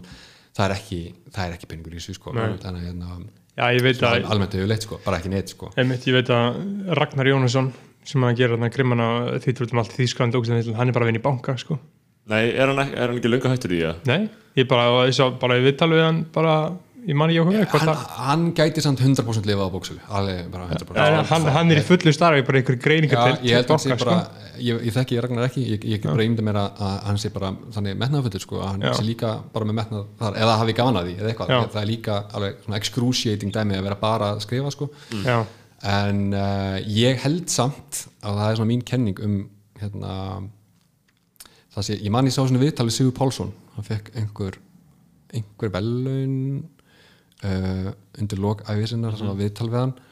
Það sem var spurður um hvað finnst þér um að vera að skrifa á íslensku? Veist, eftir hennar feril og veist, er það til góð seils og, og hann sagði, hann var á því að þetta væri væri mjög, gó- þetta væri til góðs að þú sért þrátt fyrir alltaf að skrifa á svona ógist, óheyrilega litlu tungumáli. Um, ég líti á þetta þannig kannski er þetta óskikja en ég líti á þetta þannig að það sé það að þú sért til dæmis að skrifa bækur á tungumáli sem enginn skilur að í því felist ákveðin kvati og ákveðin baróttuhugur að ég, held, ég held að það sé til dæmis væri hluti af mínum metnaði er innmitt svo staðurinn að ég skrifa á íslensku. Og hvað ég við meðan þessi hluti af mínum metnaði? Ég á við að ef ég tek bresku útgáfuna af sjálfum mér ef ég ymda mér að sé til alveg eins höfundur og ég er í Breitlandi uh, og við, við, við höfum bara meira og minna sama bakgrunn og, og bara sömu fósöndunar þá held ég að ég hafi meiri metnar vegna þess að bókin mín á íslensku verður að vera betri en hans. Hún bara verður að vera betri en hans til þess að eiga einhver sjens uh, ef ég væri að skrifa á ensku þá gæti ég alltaf sagt við hvert sem er já, já, maður getur bara, þú veist, tekka það bara á þessu þetta er til hérna á Amazon eða eitthvað, þú getur bara að lesa þetta þetta er á ensku, en að þetta er á íslensku að þetta er fast í fangilsi tungumálsins, þannig séð þá er, þú veist, ég líkir sér stundum við þó þetta sé sko ógeðfæld líking en það er ótrúlega mikið af afreks íþróttafólki í heiminum kemur úr sárafátækt og það er vegna þess að það verður að skara fram úr til þess að ná að að þú, þú, þú verður að gera þetta vel svo þetta eigi einhver minnsta sjens á því að losna úr viðjum tungumálsins þannig að ég held að það sé sko það sé ákveðin kvati sko mm. að, og þess vegna held ég að við eigum förðulega mikið Já. að fólki það gengur mjög vel Einmitt. og skapar Já, akkurat, að þetta sé, einmitt, þú þarft að gera þetta almennilega, já, það er, það er aðtilsöru punktur, ég held líka að ég held líka að með því að skrifa íslensku, er, það er maður alltaf að berjast fyrir íslensku, veist, þá er maður líka bara að stækka tungumálið. Með hverju bók sem kemur út þá bara stækkar íslenska, veist, það, það er líka bara, þú veist þú getur sagt að eitthvað sé lítið en ef þú bara stækkar það sjálfur, þá stækkar það bara skilur, þetta er svo bara þú veist bara, þetta er, þetta er bara svo klísja um að tala um að ímynda sig ef að Lagsnes hefði ætla bara farið bara að skrifa á ennsku skilur, það hefði bara orðið eitthvað drasl skilur, hann hefði, mm ég, ég vissum að það hefði bara orðið eitthvað drasl, hann hefði bara aldrei skrifað og við hefðum bara aldrei, þú veist við hefðum bara mistað á Lagsnes, hefði það gerst held ég, já, skilur, já, já, þú veist, þannig að það, þú veist það er, það er bara og, og líka það um hennar nýjilisma núna skilur við uh, ég heyri, ég var að tala við vinn minn og og hann, hann þarna, þekkir eitthvað fólk sem er þarna í, í einhverjum svona ungum sjálfstæðismanna kreðsum um, og bara um, var að tala um að, að einn pía hafi verið eitthvað að tala um að skilur bara, mér er alveg drullu sama þó að, að, að íslenska, sem er bara góð punktur og aðtilsverð punktur sem er bara má ræða, sem er bara að íslenska ríkið eigi ekki að eigða krónu í að varðveita íslenska tungu eða sérst, að hafa, sérst, að hafa hen, hennar veg sem mestan skilur þetta er bara sjónum bara, af hverju fokkana mætti ríkisvaldi að gera þetta skilur bara ef að, ef að það er vilji fólksins að gera eitthvað annað en að tala þetta tungumál þá bara gerir það það skilur mm og þú veist, þetta er svo góður eh, nýhelismi sem meikar raunverulega sens. Ég, ég skil þetta, ég bara er sammála þessu, ég sammála því að maður getur fengið þessu hugsun skilur en er þetta ekki, er maður það ekki, það ekki bara búin að tapa fyrir einhverju einhverju ógeðsleiri alþjóðavæðingu og einhverju þjóðirnislausu ógeðslegu drasli sem heimurinn er að verða skilur, það sem allir eru bara eitthvað í símanum á ensku í Berlín að tala ensku í símanum að tala við breyta og tala við, þú veist skiljið hvað við? Já, 100% sko. Uh, þú veist, ég veit ekki hvert ég er að fara með þetta en ég er að hugsa skilur, þú veist, er þetta ekki eitthvað sem að það bara uh, ég veit ekki, það er kannski fókt er kannski fókt upp að standa með íslensku skilur, Nei, það er bara frekar basic svona uh, grunn uh, einhvern veginn svona menningar varðvitning sko, ég meina þetta er bara þú veist, það veist öllum slæmt hvað talibananir gerði þannig í Afganistan skilur, bara eitthvað br brutu og brömlu alltaf inn á öll, öllum söfnum og bara þurrku út söguna skilur, já.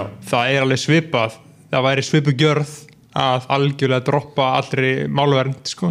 Af því að ef að það nýrði droppa ímyndað er að við værum núna bara kvattir til að vera að tala ensku hérna í podcastinu Það var alltaf þannig hérna í, á bóluárunum hérna 2006-7 eða eitthvað, þá var að tala fyrir því að það er bara tekin upp enska hérna í atvinnulíf eða allavega fjármálalífinu sko. Já, og hérna, sem er, ga- sem er svo fyndið. Þú veist, það er svo fyndið að hafa einu svona komið til tals sko. uh, en þú veist ég bara, ég myndi aldrei ég myndi deyja, ég myndi svona Ómar Ragnarsson láta bera mig einhver staðar þú veist, Já. frekar en að lúffa undan einhverju slíku, skilur já ég, ég held líka að þetta sé bara svolítið hérna profound spurning sko, ég held að þetta endi líka aftur bara svona hvað er samfélag, skilju, hvað er Íslands samfélag? Mm. hvað, hvað bindur þetta saman? Og ég, ég held, eh, þú veist, ef það er eitthvað sem bindur þetta, Já, bindur þessa verstöð hérna saman, þá er það tungumálið sko, já, og, og, og já, og ef þú lítur svo á að það, það skipti einhverju máli hvað hefur gerst hérna í árhundruð að það, það skipti bara einhverju máli fyrir, ég veit ekki, bara svona þína sjálfsmynd og hvernig þú skilur bara þína eigin tilveru og, og samfélagið sem byrði svona að, að því gefnu, þá þú veist, það er tungumálið sem er, sem er brúin. Já, þannig, að, þannig að ef þú vilt sko er tilbúin að verja þetta ekki og bara algjörlega segja ef þetta fyrir lönd og leið þá er það bara náttúrulegu prósess. Þá, þá ertu svolítið að segja um leið ok, þá, en þá, þá er það líka afstæða þín að, að í rauninni allt sem hefur gerst hér skipti engu máli. Sem er líka sem er líka afstæða sem, sem er líka skilið, sem er líka er alveg gilt. Það breytir Mhm. breytir engu. En þú veist, þá breytir, veist, ef það breytir engu þá breytir náttúrulega líklega ekkert í nokkur sköpum hlut, sko. þetta er svipið umræða og um í Já. þetta er, þetta er svipað sko. Það, það, er, augljóslega fullkomlega gilt að vera móti listamannlunum Mhm. það er bara auðvitað. Þú segir bara, þetta er ekki hlutverk ríkisins Mhm. að gera þetta. Og þú veist bara já, það, auðvitað er það algjörlega gilt að finnast það.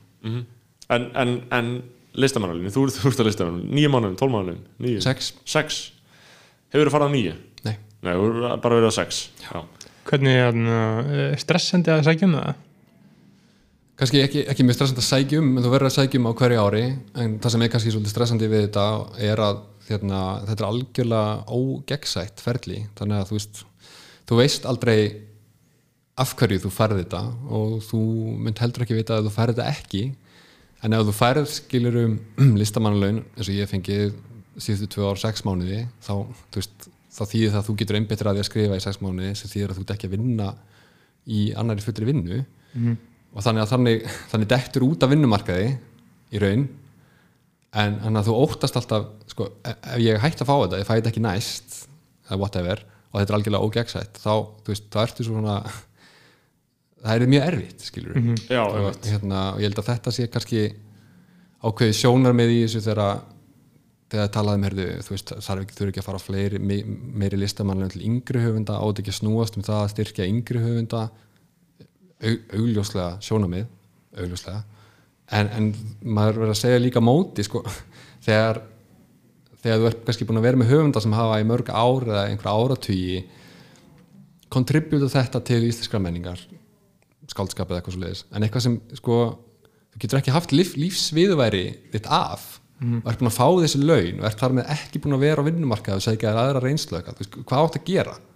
Ummitt Eh, þú veist, það er rosalega ákvörðun að taka þetta af þeim til þess að láta einhvern ungan fá þetta ég er ekki að segja að það sé, ekki báðlegt en það er bara, þú veist, þetta er flókið Já, það er líka, það er 100% sjónamið sko. það mm. þyrfti náttúrulega bara að gera þessa sjóði eitthvað digrari sko. Þú veist, það þyrfti bara að, að bæta í þetta skilur það væri alltaf, sko, ég, ekki það að ég er eitthvað oft lent í þessu debati en, en hérna, ef ykkur myndi koma inn og segja að þá leggja niður listamannlaunar þetta er bara ekki það sem ríki á að gera þetta er bara sóun og skattpenningum þú veist, þá myndi ég alltaf segja, já, þetta er bara algjörlega gilt sjónamið er, en ég myndi segja móti er þetta í alvörni það sem þú vilt byrja á? Ef þú skoðar þessa fjárhæð ef þú ert, ef þér er andum ríkisfjármál og uh, sóun á skattfíð er þetta í alvörunni það sem þú vilt byrja á? Því að þetta eru, mann ekki hvað þetta er á 300 og eitthvað miljónur á ári sko. Þú veist, þetta, er þetta er þetta er, þetta er bókstala þetta nær valla upp í það að vera klink í vasa. Já. en þú færð að mínum að því, þú færð svolítið mikið í staðinn fyrir þetta klink sem er hent til listamanna. Ef þú vilt taka það burt, fæn skilða eða þú veist, þú bara, ég, ég, ég skil það sjónamið en, en þú veist, aftur, hvað er samfélag? Þú veist, hvað er Ísland? Ef það er ekki er í raun valla hægt að vera listamæður í Íslandi. Akkurat um, af, hverju- a- a- af hverju viltu að búa einna mm. það getur vel verið að þú viljið það en ég svona spyr af hverju raunverulega á nokkur skapað slutar þá verður bara með corporate Ísland þá verður bara með með um, fyrirtæki. Ég veit ekki eins og hvað væri hérna. Og eitthvað svona, eit- eitthvað svona listamenn sem einhvern veginn ná að rétt svo hitta einhverja búblu þannig ná að ég veit ekki, tónlistamenn ná að gigga já, veist. já, ég, ég, en þú veist ég hef verið að tala um það í þessu í þessu, þessu, þessari veiru, skilur, hvað er erfitt hvað það vantar stóra hluti af listalífinu skilur, af því að þetta er svona sitt sem mér er, alltaf alveg drullu saman, skilur, mér er alltaf drullu saman einhverjar, einhverjar galleríopnanir og eitthvað shit, skilur, ég fer ekki á þetta drasl en ég vil að þetta sé, núna fattar ég bara ég vil að þetta sé í gangi já, já, ég bara vil að þetta sé í gangi og Já. aðrir fari á þetta Já. skilur, Já. bara mér, ég, þó, þó ég sé ekki beitt sjálfur neittandi, en það er bara það er óþægilegt að þetta sé ekki í gangi Já. Já. og þetta, er- ég get ekkert líst í af hverju með líðan en það er bara, Nei, þetta er alveg eins ég vil að það sé symfónia líka alltaf í gangi já, sem kostar ógæðislega mikið penning og ég fer aldrei skilur og ég vil bara, en ég vil bara, ég, mér finnst bara skrítið að það er ekki í gangi, mér finnst bara eins og að sé eitthvað rámt sko. ég skil þig algjörlega sko. Þetta er bara eins og maður vill að hálundið sé að einmitt. en ekki virt en maður er ekki að fara á hanga ég, fó, veist, ég fór upp á Kárunhugum og var smá leiður skilur, Já. leiður að sjá eitthvað sem, veist, horfið sem ég hafði aldrei séð. Og þú veist vissi ekki að það hafi verið til. Bara, þetta var algjörlega, þú veist þetta er alveg öfusnúið að ég sé leiður yfir Kárunhugum þegar ég fer þangað, sko. Ég held að það sé samt, ég held að það sé heilaþáttur sko. ég held að það sé hei, bara einhver vinstri rúf heilaþáttur sem ég með ég haustum að mér, ég held að þess vegna trúi í flestu sem ég trúi, út af vinstri rúf Já, uh, já. mentamanna elitisma heil, já, bara stjætt ábeldi, bara ég held að ég trúi flestu sem ég trúi út af þannig kjaftaði sko. mm. get ekki raukstuð neitt að því já. Ég veit, en sex mánuðir þá á listamálunum hvað hva gerur þú hína sex? Eh, ég hef sko spilað þetta þannig listamannlaun eru 400 skall á mánuði í verktakalun. Mm. sem er ekki mikið hér en ég hef búin að vera í Berlín til dæmis síðustu rúmlega 2,5 árið þar og ég er alltaf að vinna líka við annað sko. Uh, en hérna það er hægt að drýja þetta vel. Mm er alltaf að hægt að lifa spart sko. En hérna já, maður getur bara svona, maður púslar þessu bara einhvern veginn saman sko. Ömmut Bara eitthvað. Um, verkefni okkur sitt og pistlar á, á rás 1 um, pistlar sem hafa, sem hafa vakið, vakið aðtikli og, og verið pyrra fólk og, og eru í lestinni. Ég, þarna, ég, held, ég, ég er svo mikill pessimisti með allt. Ég held að þetta muni breytast allt svo hrætt ég er hrættur um línulegt útvarp, ég er hrættur um að það hætti. Mm eina leiðin, þú veist, þegar ég hef séð einhverja, þú veist, talandum bara svona samfélagsmiðla og allt það kjæft að það, þú veist, þegar ég hef séð þegar, þegar þitt sitt hefur veist, þegar, þegar svona, þú veist, að við og við bara skrifar pistil sem svona vekur aðtikli mm en þá er það eiginlega alltaf í gegnum samt einhver samfélagsmiðla post sem einhvern veginn fær aðtikli og 400 likes eða eitthvað þannig, skiljið hvað við skiljið. það það, það umræðan er aldrei eitthvað svona heyrður þetta í útvarpinu, veist, þetta væri aldrei hann þetta er bara sást þetta á nautinu, þetta er komið allt hangað, skiljið, hvaða áhrif heldur það að hafi á vinnuna eina, að, að, að, sé og við höfum rætt á þér, þetta like dæmi, skiljið, og þetta retweet og þessi svona, já, þetta samþykki, skiljið þannig erum við að bara fara niður í rabbit holes helst sko. Ég, þetta er mjög stór umræða sko.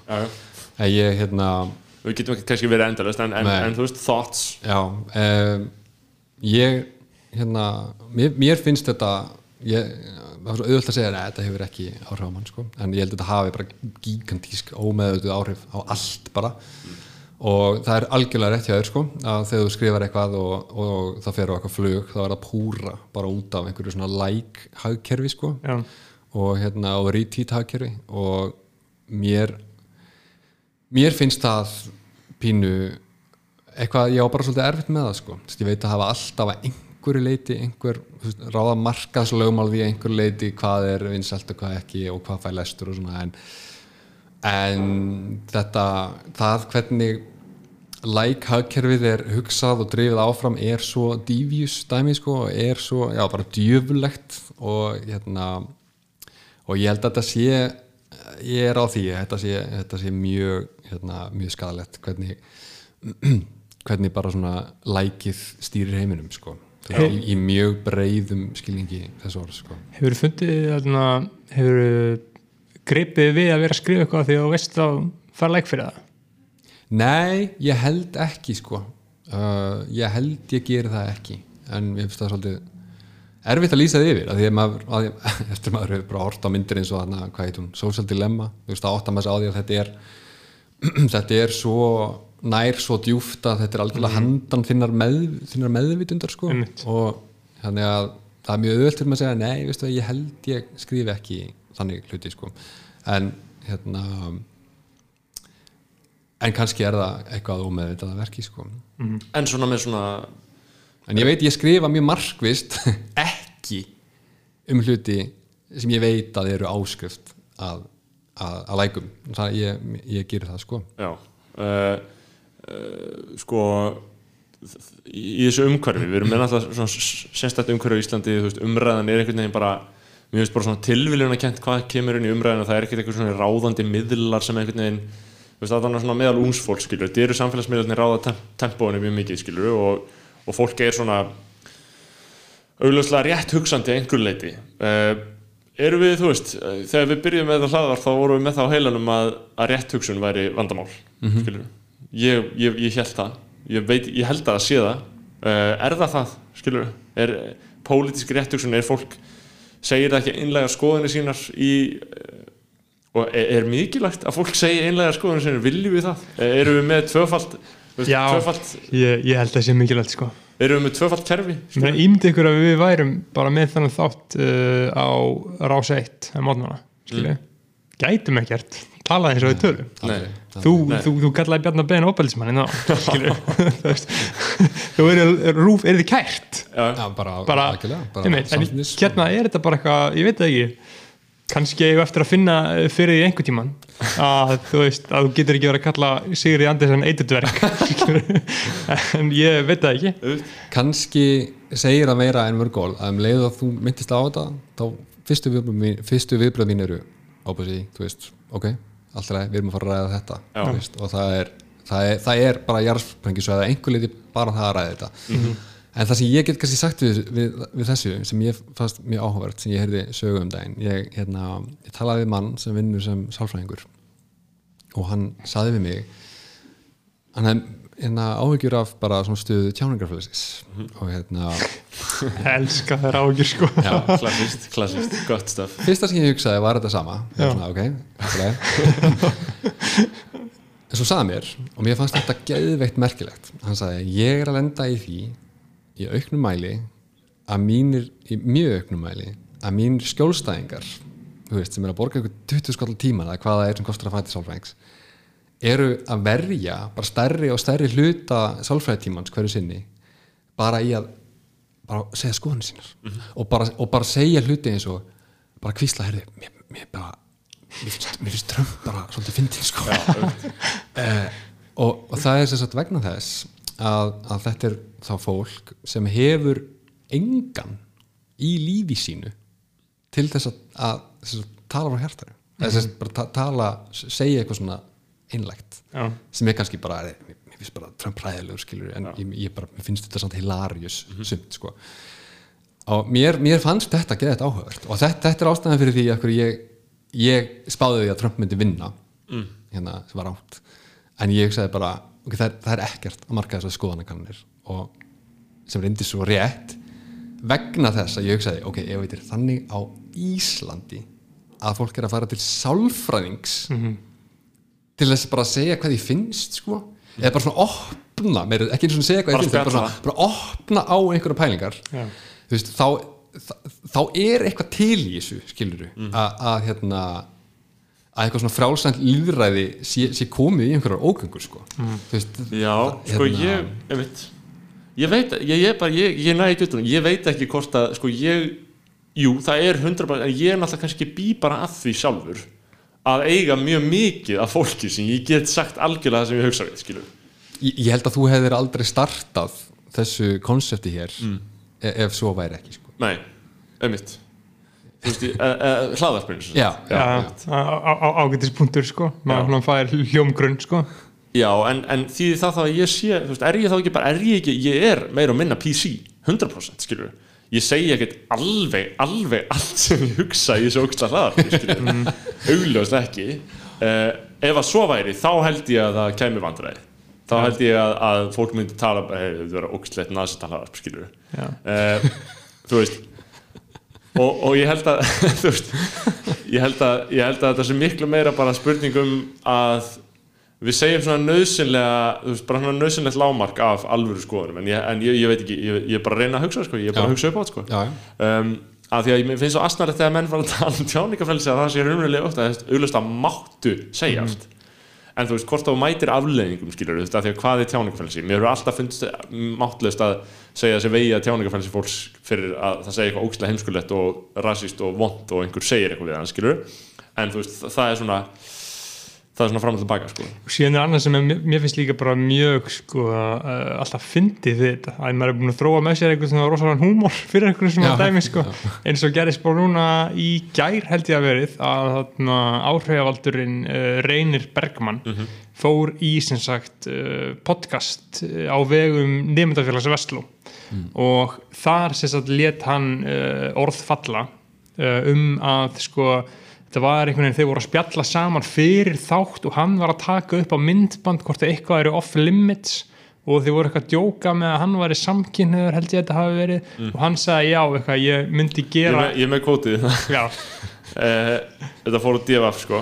Uh, já, þeir voru eitthvað að tala um þetta fyrir þátt eitthvað og þá segir hann eitthvað um, þess, þá segir hann hérna þú veist, þá segir Reynir sem er áhrifavaldurinn sem er, þú veist, ha- hann er ákveðin kapitúli þú veist, hann er hann er ekki langskóla gengin einstaklingur veist, ég veit ekki alveg hva, hver hann er eða hvað hann gerir, en veist, hann er svona augljóslega einhver sem fólk fylgist með á þeim grundöldi að hann sé svona já, og sko kann, kannski eru við að svífur þann með því að kalla hann áhrifavald af því að málið er, ég held að hann sé sko kynnslun og undan áhrifavaldurinn og hann er, þessi hann, hann, er hann, er ekki áhrifavaldur, heldur er hann snappari já, hann er bara það er svolítið munur þar á sko. Já, já. þetta er bara eitthvað gauð sem að býr á selfossi sem er bara eitthvað sínum frá lífsinu Já. og er alltaf með eitthvað svona húmor. Bara sem verður allt í vinsæl Já. og hann segir sérst þarna eitthvað, þú veist, hann er spurður.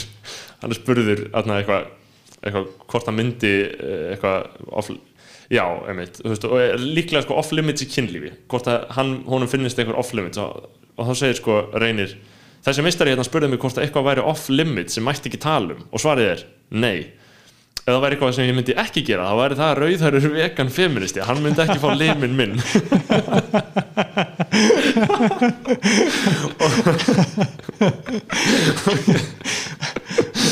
Þa- það sem mér finnst finnast í þessu er eitthvað honum að er að honum finnist það svona ógislegt að vera rauðarlega vegan feminist og, og þú veist og þá spyr einhver vestlingur sem með eitthvað, erstu að tala um MH-ingana og reynir eitthvað, MH-inga, já MH-inga, þeir, þeir þóla ekki MH-inga þessir eitthvað. Þetta er, er mjög óskýr merking allt sko, en þetta er bara eitthvað orðið, þetta er svona orðræðu agnir, þetta er bara agnir. Og þú veist og, og það er löng grein á divaf um bara viðbröðin í Vestló. Frábær fréttamerska bara, og það er bara, bara stjórn feminista félagsins Nei, sko, álíktar við, við, við erum að tala um það sko, feministafélag Vestló og MH eru búin að unita for, fordæma Reyni Bergmann Já. sko, og, og þeir fyrir að, og, strákana fyrir að byrta hann 12.0 þátt og ég veit ekki hvað hvað. En þú veist, en ég aðna, sko í fyrsta leik, ég sagði náttúrulega ég var hann í, gær- og ég sagði þú veist, aðna, fyrst sagði ég eitthvað ha, bara rauð það eru vegan fyrir, það er ekkert offensive. En þú veist, síðan var eitthvað sem benti á að þetta væri þetta er bara, þetta er bara eitthvað blaður skilur en ég veit ekki hver punktunum að þinn var með akkurat að nefna Reyni Bergman Nei, ég fara að tala um sko, af hverju manni finnst svona fyndið sko, og síðan sá ég sko að na, á stundinni en ég er sko málir að ef ég, ef ég tek, veist, ef ég segi það sem ég finnst um þetta þá er ég bara, ég þú veist, uh, ég er bara fyrir hönd, uh, þú veist, þetta er 12.00 podcastið. Það er content framleiðandinn sem, sem bjóð til vettvang fyrir Reyni Bergman ég er bara mér finnst bara svo fyndið hvað þeir voru örugglega kvíðinis þegar þau föttuðu að eitthvað, veist, það er, það er aðal sem ég er að hugsa um bara. Mm -hmm. kvíði greip um sig þegar þeir voru eitthvað svona, heyrðu, ó, nei, nei, nei, þetta er, þetta er móðgandi fyrir hinn eða þennan og bara eðlilegt, en þú veist, þetta er svo mikið panik, þetta er svo fyndið að horfa þetta. Já, þeir eru að byrja þess afsökunar bara, "Á, við erum miðlokar yfir þessu eins og þeir byrja ábyrða á því sem hann sagði. Já, þetta skilur S- við, ef, ef, ef, Halldór væri bara með einhverja nasíska skoðunir, Já. þá myndi ég bara eitthvað svona ok, jú, vissulega plattformaði hann, en þú veist, en þú veist, ég ber ekki ábyrða því, skilur já og þú veist, það eru fleiri sem að horfa á já, þú veist, þetta er kannski lélu bundur skilur, en þú veist, það honum. Stórið hjá honum, en eitthvað podcast. Skilur ekki að minna, hann getur sagt þetta hvað sem er það er ekki svo, þeir sé eitthvað rúf að fá hann í sjöfréttir, skilur ekki að minna Men ég held samt sko, það var mín tilfinning, þetta er ekki byggt á nefnir, ég held að fólk sé að verða svo þreytt á því að það þurfi allir stanslust að vera að passa sig á öllu og hérna, það þurfi allir að vera up to date á nýjustu fræðigrinum sko. Og uh, hérna að það er einhvern veginn það sé bara svona bannað að vera kærlaus einhvern veginn. Og ég held þess að ég held að hérna, afleðingarnar af þessu séu mjög umverulegar ef við erum komið þangað eins og ég segi að, og, og ég trúi þessu veitkona, að, að hérna, fólk þarf að fara til sálfræðings til að segja bara, bara til að tala um hluti í, í einhver svona trösti að ég bara treystir ekki heiminum að þá, þú veist, ég, ég held að svona 20 miljón atkvæði af þessum 70 miljón atkvæðum sem Trump fekk sé bara púra þetta sko. Bara, bara, veist, bara ég get ekki ég get ekki heiminn, bara ég get, get ekki lifað svona. Og hérna, og ég, þá, þá held ég að við séum bara komið, ég, held- ég, held, ég held þetta sé mjög alvarlegt sko, ef, ef fólk er fara að fara er, er svona rætt við að Já, mér finnst, sálfræðingadæmi, ef, ef rétt reynist þá, þá, er, þá, þá, þá er það mjög alvarlegt, sko, þú veist Mér finnst það, ógæðislega fyndið að þú eigir engan að, skilur, því að maður Ég- á alltaf einhverja að sem maður getur sagt næstu hvaða sjúka sitt sem er við, ég, skilur ég er að hugsa sko í hvers konar umhverfi? Eru að tala um bara einhvern flokkslega ungra vinstri grætna þú veist Já, hver- þetta er hver- líklega þannig er, Er ég, ég er að sjá fyrir mig þannig scenario, sko. Þú veist, það sem þú ert bara í einhverju búblu þar sem að það eru algjörlega svona ríkjandi stefnur og skoðanir Mhm. en þú bara ert já, inni í þér alveg hinum minn já, þú bara hatar allt sem er sagt. Já. Og þá færður bara sálfræðing þetta, þetta minn, minnir mig að ná uh, steindasketsin sko. Það sem að þeir eru svona eru rockarar, svona döðarokkarar og þeir eru allir að tala um eitthvað allt er ömulegt og steindi kallinu og mér finnst það, jó, bara góð sönguna sko, Já. ég er bara mér finnst það handbólt bara geggju íþrótt. Þetta- þetta þetta er svolítið súpælingin nema í PC áttina sko. Já, þetta er sárið veruleiki sko algjörlega, þannig að uh, er eitthvað sem við erum þarna, ekki búin að fara yfir hérna hjá okkur í, uh, í dag? Um, með eitthvað á skjánum, snorri?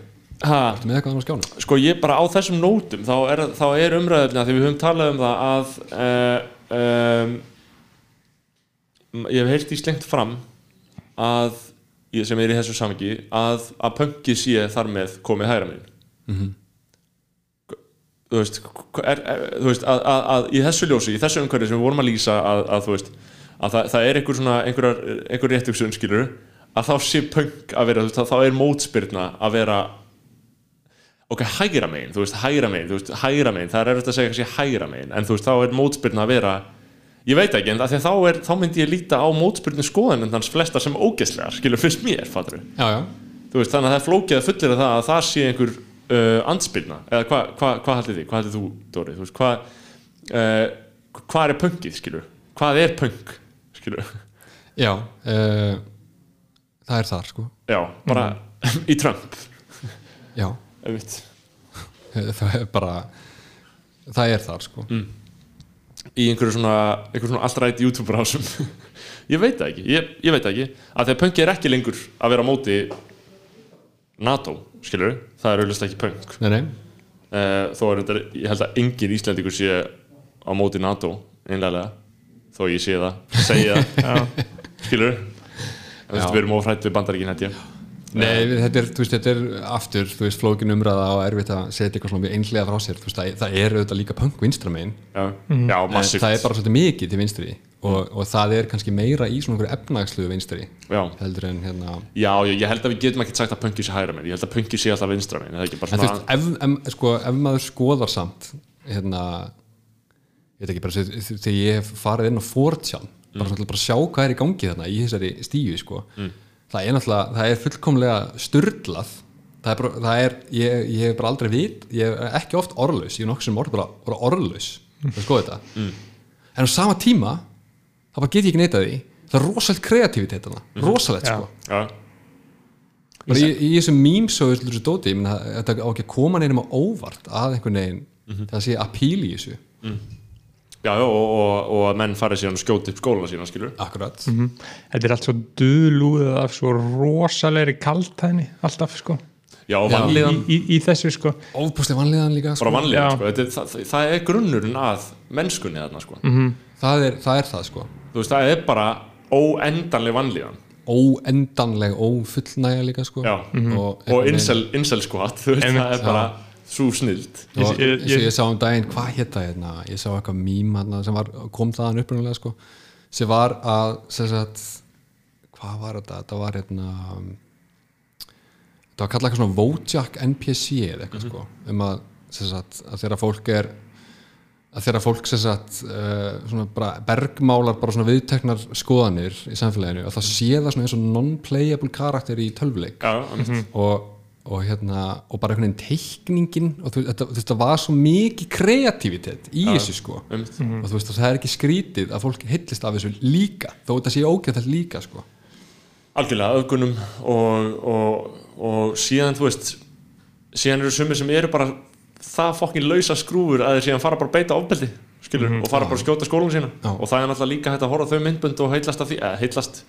Eða þú veist, maður horfur á að hugsa bara hvað í fokking andskottanum er búið að gerast þetta, skilur Já. en maður skilur alltaf rásakinnar eins og þú lest þessa bókum Breivik þarna, skilur þannig að, Já, ég vil lesa hann líka. Besta, besta ja. bók sem ég er sko eða ekki Já, við skulum ekki vera dead nefn Fjóta Fálsen, hún er búin að breyta nafninu.